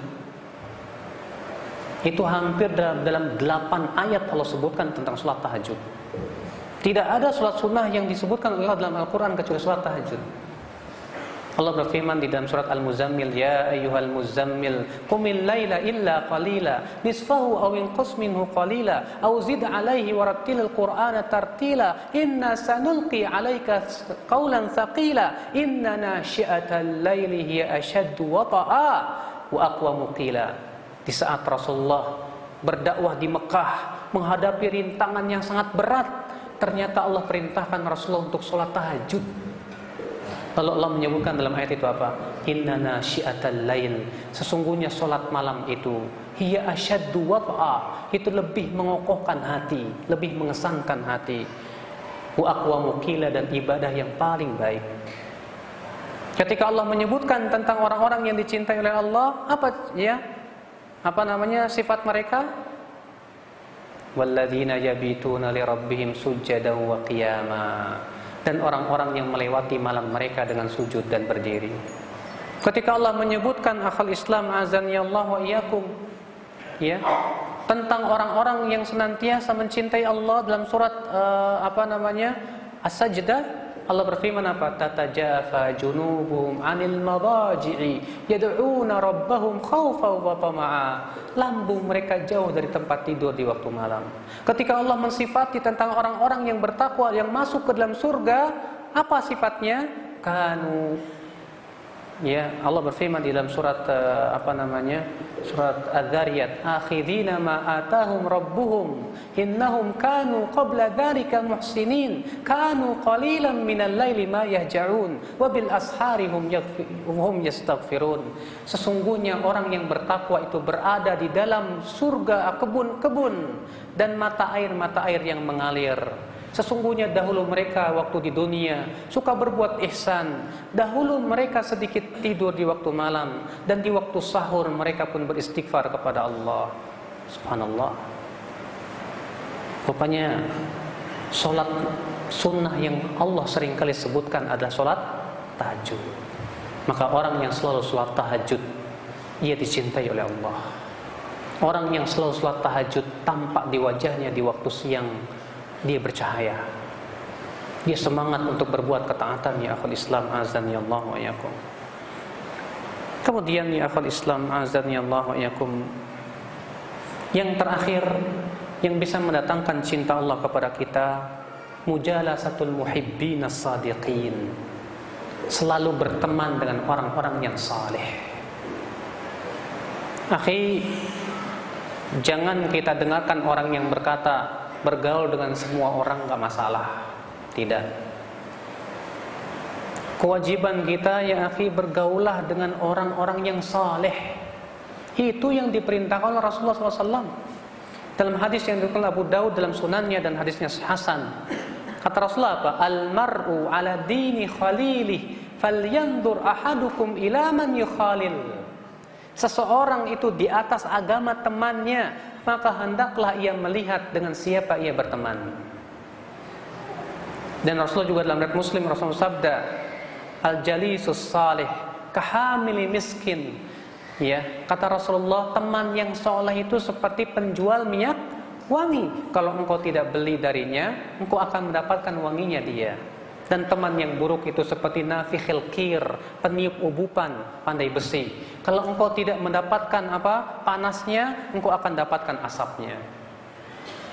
Makanya akhi, bahkan akhi, teman yang soleh itu manfaatnya dua. Apa itu? Di dunia dan akhirat. Di dunia kita bisa mendapatkan kebaikan nasihat-nasihatnya. Kita bisa mendapatkan apa? Ya, berbagai macam kebaikan dari dia, faidah-faidah ilmunya. Kita diluruskan ketika salah, diingatkan ketika kita ini ya lalai, ketika kita benar, dia dukung kita, itu teman yang soleh. Di akhirat teman soleh itu ketika kita qadar Allah misalnya masuk neraka teman soleh lah yang akan membela kita di mata di hadapan Allah Subhanahu wa taala. Hadisnya sahih dari Bukhari dan Muslim. Rasulullah SAW bersabda ketika kaum mukminin telah melewati jembatan Sirat. Ya, falaisa ahadun asyaddu mujadalatan ya ila Allah minal mu'minin kata Rasulullah. Tidak ada seorang pun yang paling keras jidalnya dengan Allah kecuali kaum mukminin. Mereka berkata, "Ya Rabb, ikhwanuna alladzina kanu yusalluna ma'ana wa yasumuna ma'ana. Ya Rabb, teman-teman kami, saudara-saudara kami yang dahulu di dunia solat bersama kami, berpuasa bersama kami, hum finnar, sekarang mereka dalam api neraka. Kenapa engkau masukkan? Terus mereka berjidal dengan Allah. Akhirnya Allah berfirman, pergilah kalian ke neraka keluarkan teman-teman kalian yang kalian kenal dan mengucapkan la ilaha illallah keluarkan ia dalam api dari api neraka. Lalu kaum mukminin pun segera pergi ke api neraka diambilnya teman-teman mereka itu yang mengucapkan la ilaha illallah. Alhamdulillah. Makanya kata Imam Hasan Al-Basri apa? Perbanyaklah teman-teman yang saleh Semoga mereka bisa menolong Anda dan kita ketika kita di hari akhirat masuk neraka. Mereka telah berhasil, mereka membela kita di hadapan Allah Subhanahu wa taala. Tapi ingat Pak, berteman dengan orang soleh itu Pak, terkadang butuh kesabaran. Karena teman yang soleh bukan malaikat, bukan nabi yang maksum. Teman soleh itu terkadang ada berbagai macam kekurangan dia sebagai manusia. Maka kewajiban kita sabar ketika berteman dengan orang-orang saleh. Allah berfirman, "Wasbir nafsaka ma'al ladzina yad'una rabbahum bil ghadati wal 'ashyi yuriduna wajha." Sabarkan dirimu bersama orang-orang yang senantiasa menyeru Rabbnya di waktu pagi dan petang, mengharapkan wajahnya. Inilah Bapak sekalian, sembilan perkara yang akan mendatangkan cinta Allah kepada kita segera kita berusaha untuk merealisasikannya dalam kehidupan kita. Saya dan antum semuanya sama, berlomba-lomba dalam ini, hal ini. Barangkali antum yang mendengar lebih bisa mengaplikasikan daripada saya. Yang jelas wa mutanafisun. Untuk itulah kita berlomba-lomba dalam kehidupan dunia ini. Barangkali ini saja yang dia sampaikan dan kita menuju tanya jawab. Ada pertanyaan Assalamualaikum warahmatullahi wabarakatuh Waalaikumsalam. Ustaz ada sebagian orang atau aliran di Indonesia yang mengatakan katanya isi Al-Quran sudah banyak yang dipalsukan. Mohon dijelaskan. Subhanallah, ini jelas kedustaan, Pak. Bagaimana tidak dusta, Pak? Bukankah Allah sudah berjanji untuk menjaga Al-Quran? Allah berfirman, "Inna nahnu nazzalna dzikra wa inna lahu lahafizun." Sesungguhnya kamilah yang telah menurunkan adzikr yaitu Al-Qur'an dan kamilah yang akan menjaganya. Allah di sini berjanji untuk menjaga Al Al-Qur'an. Berarti orang yang mengatakan bahwa ayat Al-Qur'an sudah banyak dipalsukan, sudah banyak yang tidak asli, dia seakan-akan menuduh Allah nggak becus menjaga Al-Quran. Adakah ya akhi penghinaan yang sangat ya berat daripada orang yang seperti ini? Taib. Kalau Al-Quran itu kita ragukan, lalu apa yang menjadi sandaran kita? Kalau Al-Quran sudah banyak dipalsukan, apa bedanya dengan Taurat dan Injil kalau begitu yang dirubah-rubah oleh ya pendeta-pendeta mereka la ilaha illallah. Kalau begitu apa kehebatannya umat Islam dibandingkan dengan Yahudi dan Nasrani? La ilaha illallah. Makanya Bapak sekalian lihat Pak. Orang-orang yang meragukan orang-orang yang meragukan apa? Keontentikan Al-Quran. Mau tidak mau mereka akan bergaya seperti orang Nasrani bagaimana Orang Nasrani menganggap bahwasanya pendeta-pendeta mereka itu mendapatkan wahyu dan ilham dari Allah. Makanya mereka orang Nasrani mengatakan pendeta-pendeta itu punya hak. Iya. Dan mereka bisa mendapatkan langsung titah dari Allah Subhanahu wa taala. Mereka pun juga yang merubah-rubah Al-Qur'an sama pendapatnya imam kami itu yang tahu tentang Al-Quran yang asli. Tapi ketika tanya, kemarikan dong Al-Quran yang asli. Ya nanti dibawa oleh imam kami yang terakhir di akhir zaman. Subhanallah. Sebetulnya ini tujuannya untuk merusak Islam, Bapak. Menghancurkan Islam dari dasarnya itu Al-Quran. Kalau Al-Quran diragukan, berarti Islam itu sendiri dilakukan. Bahkan padahal kata para ulama, orang yang meragukan Al-Quran satu huruf saja, maka ia murtad dari agama Islam. Orang yang meragukan Al-Quran satu huruf saja, ia murtad dari agama Islam. Bagaimana dia hendak katakan bahwasanya Al-Quran sudah dipalsukan sebagiannya? La ilaha illallah. Ini jelas ya akal Islam. Sekali lagi, ya perbuatan orang-orang yang zindik yang ingin menghancurkan Islam sebetulnya. Bagaimana kedudukan membaca Al-Quran dibandingkan zikir?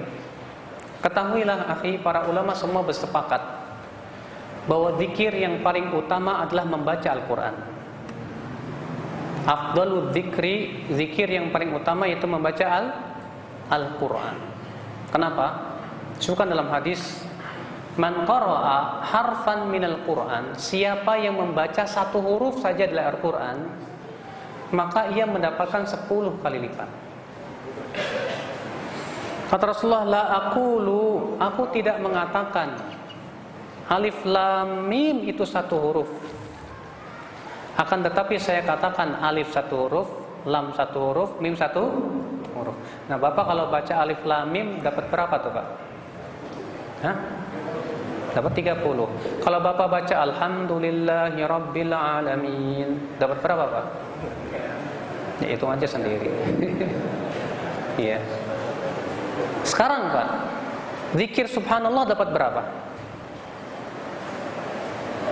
Zikir subhanallah dapat berapa?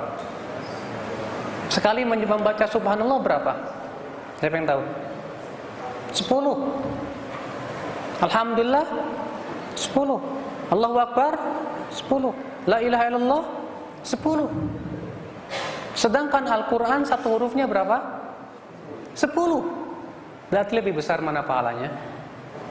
Jelas Al-Quran dong, membaca Al-Quran. Makanya kata para ulama, zikir yang paling utama adalah membaca Al-Quran. Namun, nah di sini, di saat keadaan-keadaan tertentu, terkadang zikir subhanallah alhamdulillah itu lebih utama. Kapan? Ketika kita membaca Al-Quran ternyata hati kita tidak bisa khusyuk. Ustaz saya kalau baca Quran kok hati saya nggak bisa khusyuk ya. Tapi kalau saya baca subhanallah, alhamdulillah, ilallah, Allahu akbar, hati saya terasa nikmat rasanya. Maka kata para ulama di saat itu membaca subhanallah lebih utama. Kenapa? Karena tujuan zikir adalah memberikan ketenangan dalam hati. Tujuan ibadah adalah menghasilkan ketakwaan di hati. Maka semakin zikir itu menghasilkan ketakwaan kepada Allah, maka itu semakin besar pahalanya di sisi Allah Subhanahu wa taala. Iya. Apa boleh seseorang pengisi ceramah melewati waktu sholat di masjid berjamaah? Boleh atau tidak? Yang saya baca dari kitab-kitab para ulama, apabila sholat tersebut adalah sholat-sholat yang memang pasti ya mau tidak mau ada jedanya seperti sholat dan semua sholat pasti ada jedanya. Maksudnya jeda di sini ada waktu tenggang. Seperti sholat duhur itu dari semenjak apa? Terbit matahari, eh, ter, matahari tergelincir sampai apa? Bayangan seseorang sama dengan dirinya. Sholat isya misalnya. Maka kata para ulama, mengakhirkan sholat isya itu lebih utama. Kenapa? Karena waktu isya yang paling utama itu di di akhirnya. Nah kalau misalnya ada orang taklim, Nanti aja sholatnya diakhirkan dikit. Kita talim dulu. Boleh? Yang saya ketahui para ulama mengatakan boleh. Tapi kalau dikhawatirkan timbul mafsada atau mudorot karena masyarakatnya nggak paham misalnya, ini kok ustadz mengakhir-akhirin waktu sholat gimana sih? Akibat karena ketidaktahuan mereka, maka tentu si ustadz pun juga ya tegakkanlah sholat pada waktunya untuk menghindari mudarat yang lebih besar. Setelah itu fahamkan kepada mereka bahwa sebetulnya boleh diakhirkan. Ya apalagi waktu isya. Kalau waktu isya yang paling utama justru diakhirkan. Akhir Islam azan ya Allah wa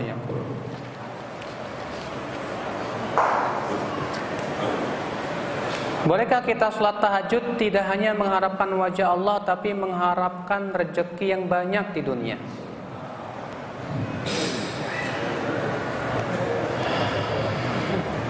Bapak buka surat Hud ayat 15 16. Allah berfirman, "Man kana yuridul hayata dunya wa zinataha nuwaffi ilaihim a'malahum fiha wa hum fiha la yubkhasun." Barang siapa yang menginginkan dunia dan perhiasannya, kami akan berikan apa yang dia inginkan dari amalannya tersebut tanpa dikurangi sedikit pun juga. Ulaika alladziina laisa lahum fil akhirati illa an-nar mereka itu di hari akhirat tidak akan mendapatkan apa-apa kecuali api neraka.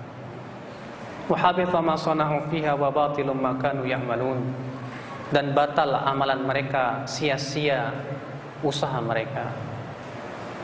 Al-Imam As-Suyuti rahimahullah dalam kitab Al-Ashbah wa Nadhair ketika beliau membahas tentang orang yang haji niatnya dua. Niat yang pertama haji lillahi ta'ala, yang kedua haji dalam rangka bisnis. Apakah dia mendapatkan pahala atau tidak? Maka beliau menjawab, dilihat mana yang paling dominan. Kalau yang paling dominan haji lillahi ta'alanya, dia dapat pahala. Kalau yang di, yang paling dominan bisnisnya, dia dapat dosa. Kalau ternyata 50-50 sama kuatnya, lillahi ta'ala dan bisnisnya sama-sama kuat, tasa koto saling berguguran tidak dapat pahala, tidak dapat dosa. Rugi, Pak. Ustadz, emang kita nggak boleh minta dunia, Pak? Minta itu namanya doa. Dan doa itu beda dengan niat. Kalau kita mau sholat tahajud, niat kita mengharapkan dunia, ini tidak boleh. Tapi kalau kita sholat tahajud niatnya lillahi ta'ala Lalu ketika sholat kita berdoa Ya Allah berikan saya dunia Silahkan Bedakan Pak antara niat dan do doa.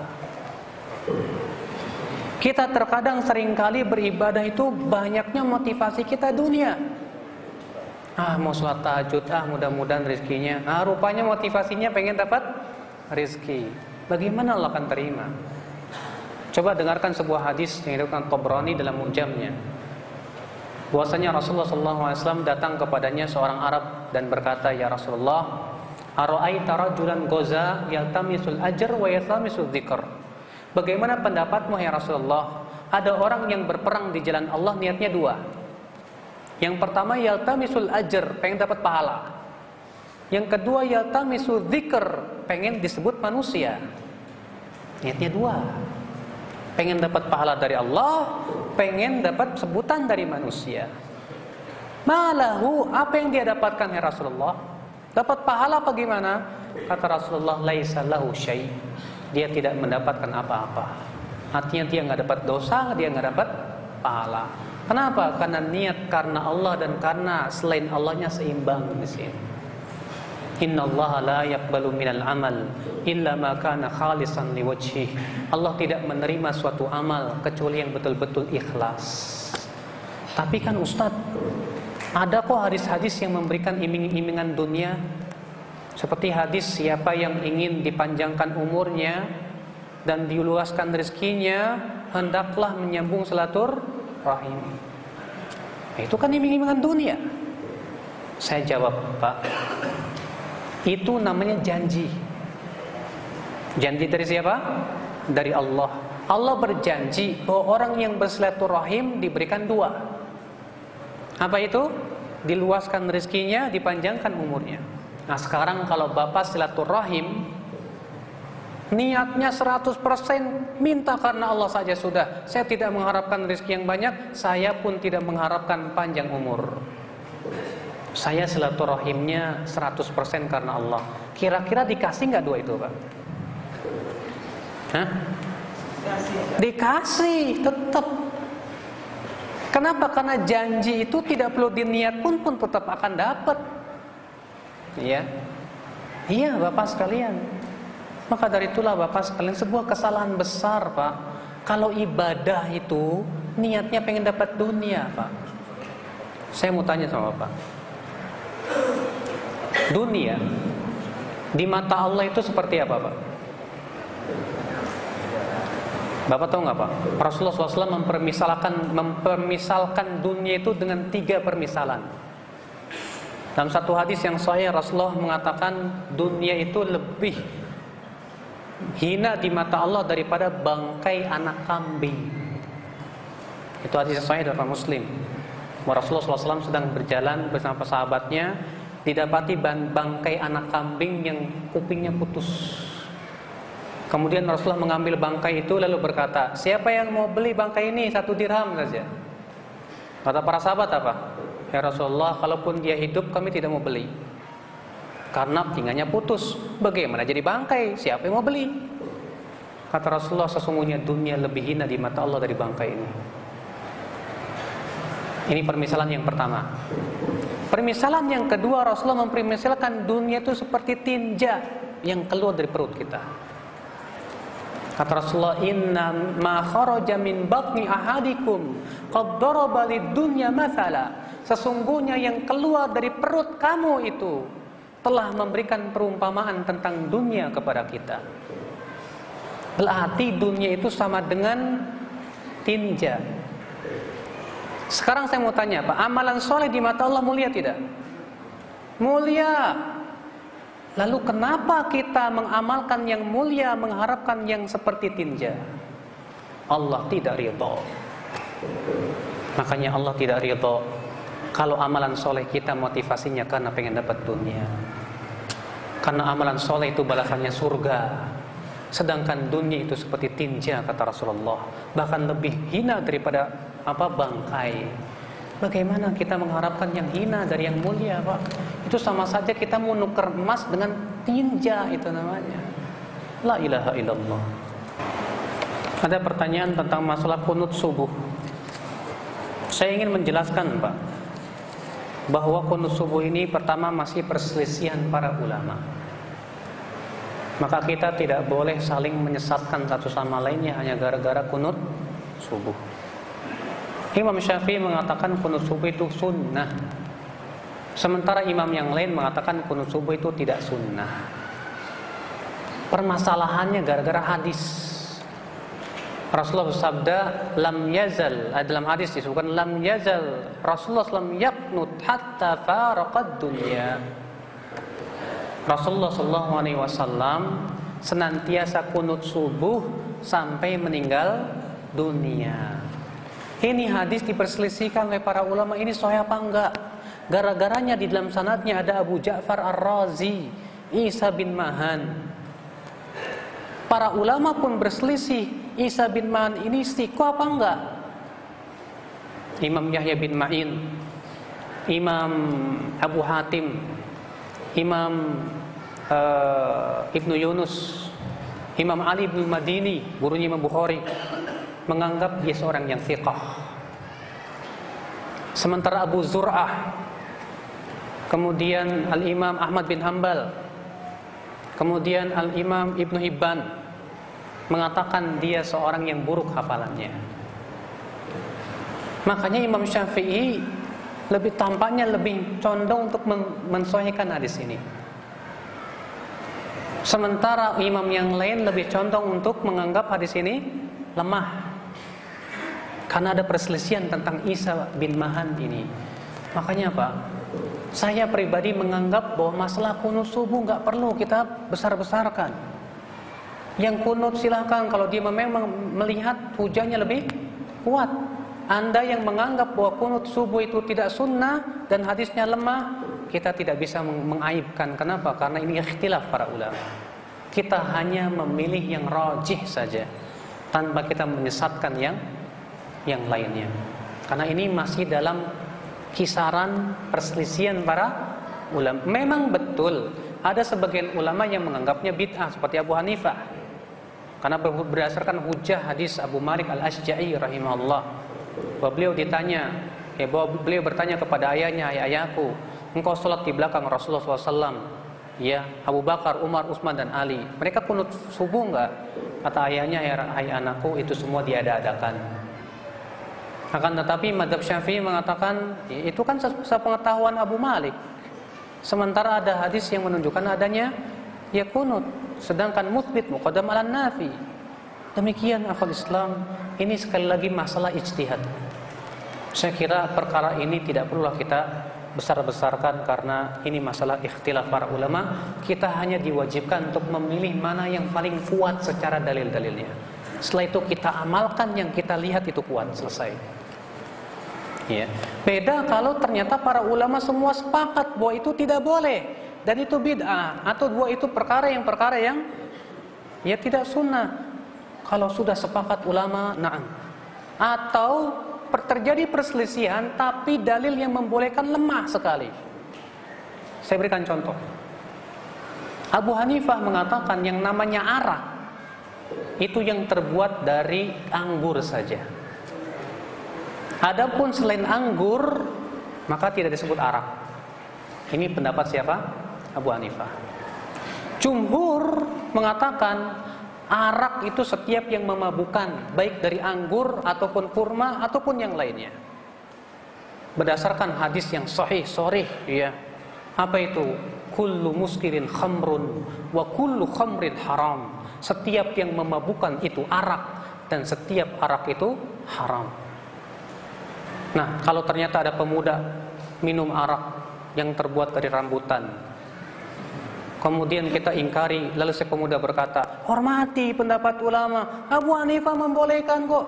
Ini bukan anggur ini, rambutan. Saya katakan tidak bisa. Ulama itu tidak maksum. Ulama boleh kita pegang pendapatnya kalau tidak bertabrakan dengan dalil dan dalam hal ini Abu Hanifah telah bertabrakan dengan dalil yang sahih, sahih, jelas lagi bahwa setiap yang memabukkan itu haram. Makanya Pak, tidak setiap perselisihan ulama bisa kita hormati. Kita harus lihat nilai keabsahan hadisnya. Kalau ternyata hadisnya sangat lemah atau hujahnya sangat lemah bahkan bertabrakan, maaf kita tidak bisa menerimanya. Hadis inilah kita harus bisa membedakan.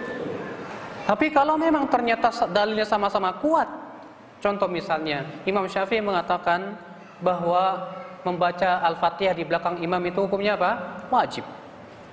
Dalilnya hadis umum dan sahih. La salata liman lam yaqra bi Fatihatil kitab. Tidak sah salat bagi mereka yang baca Al-Fatihah. Kata Imam Syafi'i apa? Man di sini nakirah ya fi siyakin nafi fatufidul umum. Ini umum mencakup imam maupun makmum. Tidak ada bedanya. Imam Abu Hanifah mengatakan apa? Makmum gak boleh baca sama sekali Berdasarkan hadis apa? Hadis yang mengatakan bahwa bacaan makmum sudah ditanggung bacaan oleh imam. Berarti makmum gak boleh baca, baik ketika keras maupun tidak keras. Imam Ahmad tengah-tengah beliau mengatakan, kalau bacaannya keras, diam. Kalau tidak dikeraskan, baca. Dalilnya mana? Ayat wa idza quri'al Qur'anu fastami'u lahu wa ansitu la'allakum turhamun. Masing-masing punya hujah. Maka pada waktu itu kita tidak boleh saling menyalahkan, maksudnya saling menyesatkan, tidak boleh. Ya. Kewajiban kita adalah melihat saja mana yang paling kuat, lalu amalkan yang kita yakini itu kuat selesai. Jadi Pak, ya, memang tidak setiap perselisihan bisa kita hormati.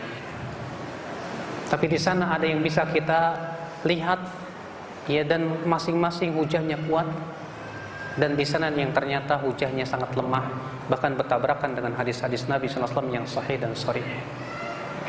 Ya.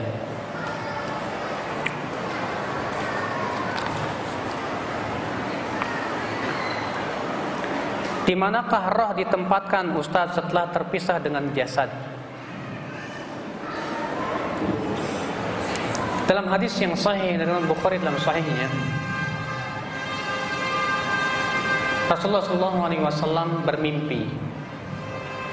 Waktu itu Rasulullah SAW di waktu setelah sholat subuh, setelah sholat subuh, Rasulullah bersabda kepada para sahabat, siapa di antara kalian yang tadi malam bermimpi? Para sahabat pun diam. Kata Rasulullah, adapun aku tadi malam bermimpi. Ada dua orang malaikat datang kepadaku. Lalu ia membawaku. Lalu aku melihat ada orang yang ditelungkupkan dan satu lagi membawa apa namanya batu besar. Lalu batu itu diayunkan dan dihancurkan kepala orang yang ditelungkupkan itu. Lalu batu itu menggelinding. Diambilnya batu itu. Ketika kembali kepala, kepalanya sudah menjadi bagus lagi, dihancurkan lagi terus sampai hari kiamat. Aku berkata, siapa itu subhanallah? Kata dua malaikat ini, intolik, intolik, pergi, pergi. Lalu aku melihat ada orang yang mulutnya disobek, digunting sampai ke tengkuknya. Kemudian sebelah kirinya disobek lagi. Ternyata yang kanannya sudah bagus lagi, disobek lagi, terus. Aku berkata, subhanallah, siapa itu? Kata malaikat itu, pergi, pergi. Lalu aku melihat laki-laki dan wanita yang telanjang dalam tungku api. Setiap kali api itu menyembah dari bawah, mereka berusaha naik dan mereka kesakitan menjerit. Lalu aku berkata, siapa itu subhanallah? Kata dua malaikat itu, pergi, pergi. Lalu aku melihat wanita yang payudaranya dipatuk ular, kata Rasulullah. Ini dalam riwayat Abu Daud, ya, ada tambahan ini. Tidak ada dalam riwayat Bukhari. Lalu aku berkata, siapa itu? Kata Rasulullah, eh, kata dua mereka itu pergi, pergi. Lalu aku melihat ada orang yang berenang di atas apa di sungai darah. Sementara di pinggir sungai itu ada orang yang menyeramkan sekali. Setiap kali orang itu sampai ke tepian, dibukanya mulutnya, disempalkannya dengan batu, lalu ia berenang lagi. Demikian setiap kali ke tepian, demikian seterusnya. Aku berkata subhanallah, siapa itu? Kata mereka, pergi, pergi. Lalu aku masuk ke sebuah kebun. Aku melihat seorang laki-laki. Saking tingginya laki-laki itu kata Rasulullah, hampir-hampir aku tidak bisa melihat kepalanya. Aku berkata, siapa itu? Dan di sekitar laki-laki itu ada anak-anak kecil. Kata malaikat, pergi-pergi. Kemudian aku diperintahkan naik ke sebuah pohon. Lalu aku pun naik ke pohon itu dan aku dapatkan sebuah rumah di pohon itu dan aku melihat di situ arwah kaum mukminin lalu aku berkata rumah siapa ini Kata dua malaikat itu, pergi, pergi. Aku naik lagi terus. Ternyata aku mendapatkan rumah lagi di atasnya. Lalu aku melihat ke dalamnya, ternyata aku melihat di situ orang-orang yang mati syahid.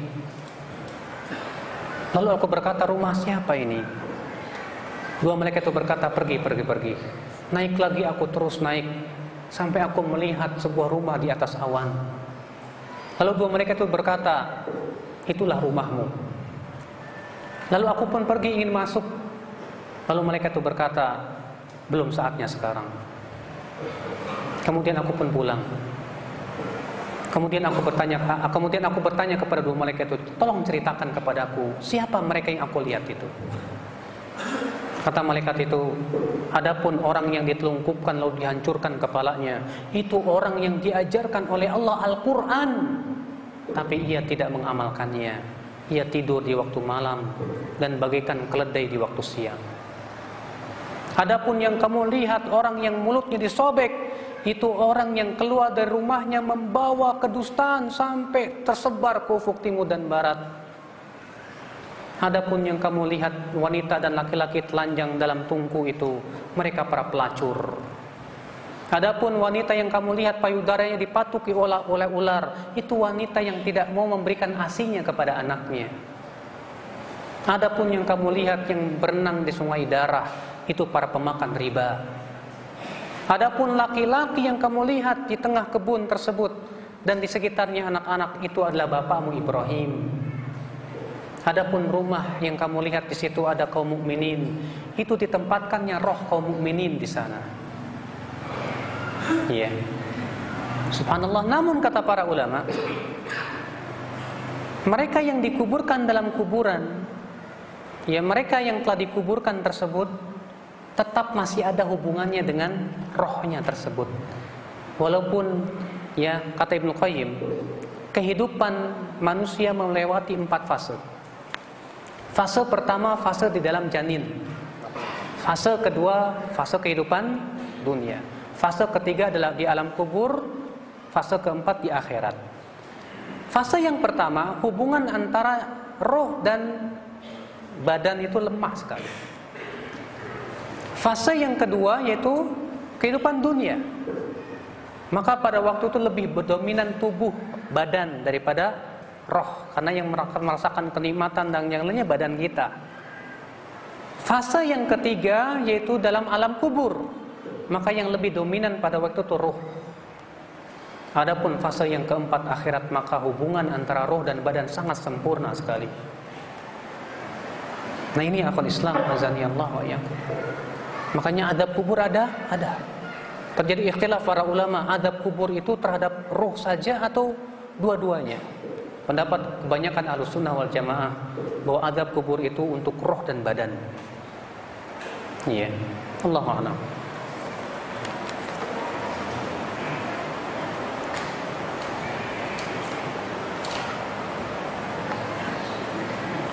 Ustadz tadi mengatakan pahala sholat malam dan sholat subuh berjamaah di masjid sampai duha pahala sama dengan haji dan umroh itu kan untuk laki-laki. Sedangkan kan wanita disuruh di rumah gimana itu? Ibu tentunya mengikuti sunnah rasul lebih besar pahalanya. Ketika Rasulullah bersabda la tamna'u ima Allah masajid Allah wa buyutuhunna khairun lahun. Jangan kalian mencegah para wanita untuk pergi ke masjid, tapi rumah mereka lebih baik buat mereka. Rasulullah bersabda di mana? Hah? Di Madinah. Di situ ada masjid yang sholat siapa yang sholat di situ lebih baik daripada di tempat lain seribu kali lipat tapi ternyata sholat di rumah mereka lebih baik. Maka dari itu wanita kalau dia mau sholat di masjid silakan. Tapi kalau mau mencari yang lebih utama ya di rumah. Lebih utama iya betul khusus untuk wanita. Ya, khusus untuk wanita karena ada hadis yang menunjukkan kepada hal itu.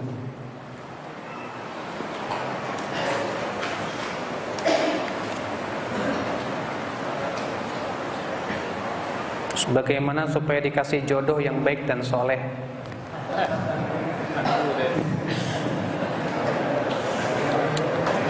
Iya Pak, Bu, ini yang bertanya akhwat ini.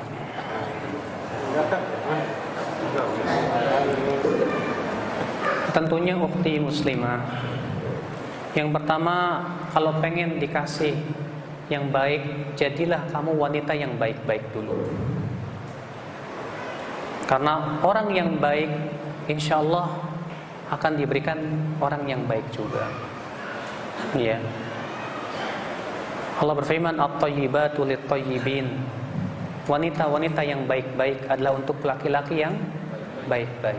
Yang kedua banyak berdoa kepada Allah agar diberikan suami yang saleh. Yang ketiga, carilah teman-teman relasi agar dicarikan teman-teman yang ya suami yang saleh. Jangan caranya pacaran. Sebab pacaran itu Pak, yang namanya laki-laki bisa saja kamuflase.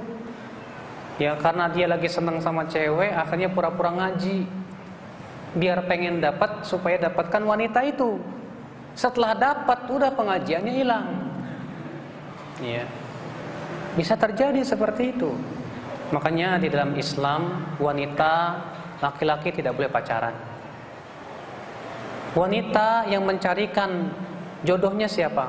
Bapaknya atau kakaknya atau temannya mereka para wali-walinya yang punya tugas untuk mencarikan buat anaknya seorang pemuda yang saleh, yang masya Allah ya bertakwa kepada Allah dan Rasulnya. Itu kewajiban orang tua. Ini zaman sekarang enggak. Orang tua malah merasa aneh kok anak saya enggak pacaran ya. Aneh, subhanallah. Saking orang tuanya enggak paham tentang masalah syariat Islam bahwa pacaran itu haram ya. Kalau Islam azan ya Allah ya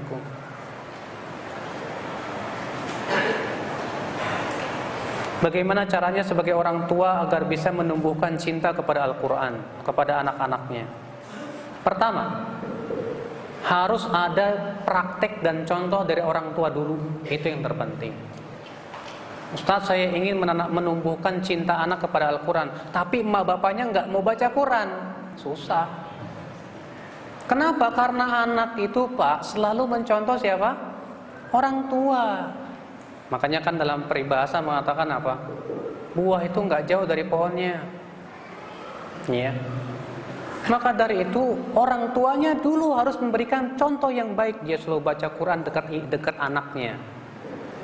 Ya ketika anaknya berada dekatnya dia baca Quran, ramaikan rumahnya dengan baca Quran sehingga si anak terbiasa mendengarkan bacaan Al-Qur'an terus.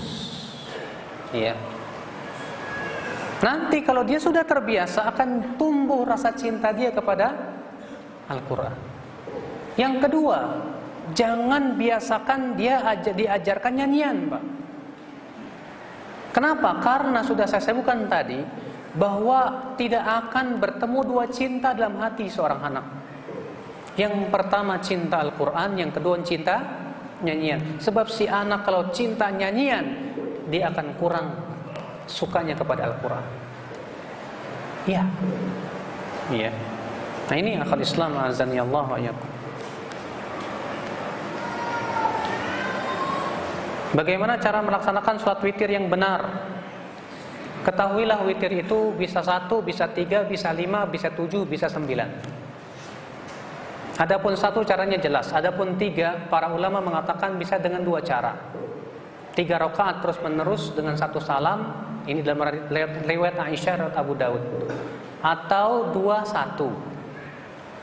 Ya, berdasarkan keumuman hadis salatul lail matna matna salat malam itu dua rakaat, dua rakaat. Adapun lima maka dengan cara tahiyat terakhir saja di akhirnya. Sebagaimana dalam hadis yang sahih dalam Abu Daud. Adapun tujuh rakaat dalam hadis Aisyah disebutkan Rasulullah SAW tahiyat awal di rakaat yang keenam kemudian bangkit, lalu tahiyat akhir di rakaat ketujuh, lalu salam. Adapun yang ke yang sembilan rakaat maka tahiyat awal di rakaat ke delapan, kemudian bangkit, lalu tahiyat akhir di rakaat ke ke sembilan itu dalam ada dalam Sunan Abu Daud dan sanatnya Hasan insyaallah. Itu yang paling banyak pak. Tapi keseringannya Rasulullah sholat tahajud itu dua rakaat dua rakaat sebagaimana Rasulullah bersabda sholatul laili mathna Nah, Salat malam itu dua rakaat, dua rakaat. Saya seorang istri yang baru beberapa bulan bekerja dan saya bekerja atas izin suami. Setelah saya menjalani pekerjaan itu, saya sering berpikir, apakah pilihan saya ini bekerja disukai oleh Allah atau tidak? Bagaimana Ustadz? Kalau suami sudah mencukupi hidupnya, buat apa bekerja? Kenapa? Karena Allah Subhanahu wa taala memerintahkan wanita untuk tinggal di rumah. Allah berfirman, "Waqarna fi buyutikunna wa la tabarrajna tabarrujal jahiliyatil ula." Hendaklah kalian wanita tinggal di rumah-rumah kalian maka kalau anti sudah dipenuhi oleh suami, suami sudah cukup, ya sudah apa apa lagi? Karena keluarnya wanita itu fitnah. Kata Rasulullah wanita itu datang dengan membawa empat dan pergi dengan membawa delapan. Fitnahnya itu berat maksudnya. Keluarnya wanita itu sudah fitnah. Maka kalau misalnya memang suami sudah mencukupi anti, Cukuplah sudah di rumah, tawakal kepada Allah, banyak-banyak ya, berbakti kepada suami, fokus untuk mendidik anak dan yang lainnya. Ya.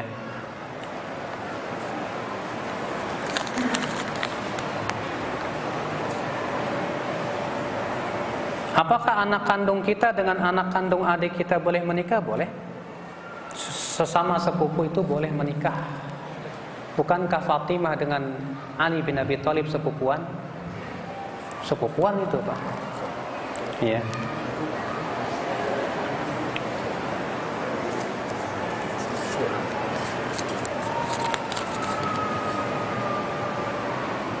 Bagaimana kiat-kiat dikala iman kita turun Ustadz Solusinya gimana? Subhanallah pertanyaan yang agung. Memang kita takut sekali kalau iman kita itu terus turunnya terus nggak naik-naik gitu loh. Iya. Tentunya agar keimanan kita supaya naik dan terus ya bisa kita pertahankan. Al Imam Ibnu Qayyim rahimahullah memberikan tiga cara. Cara yang pertama, jaga stamina hati dengan banyak amalan soleh. Dikir, sholat malam, puasa. Ini namanya menjaga stamina hati. Yang kedua kata Imam Qayyim jangan mengkonsumsi sesuatu yang bisa merusak hati kita. Itu maksiat. Maksiat itu bisa merusak hati kita. Yang ketiga, segera bersihkan kotoran hati kita dengan cara banyak ber, bertaubat. Siapa yang melakukan ini, insya Allah hatinya selalu sehat. Ya, biidnillah. Itu beliau sebutkan dalam kitab Ighathatul Lahfan. Bagaimana menyadarkan masyarakat kita tentang cinta kepada Allah Ustaz? Di sini Pak memang penting sekali Pak. Mengenalkan masyarakat kepada Allah agar mereka cinta kepada Allah penting sekali. Kenapa Pak? Pertama, para nabi semuanya ketika memulai dakwah selalu dari mulai dari akidah. Ya, supaya kita ini takut kepada Allah dan cinta kepada Allah. Aisyah berkata dalam riwayat Bukhari, adalah yang pertama kali turun dalam Al-Quran itu tentang surga dan neraka. Kalaulah yang pertama kali turun jangan mencuri, kami tidak akan meninggalkan pencurian.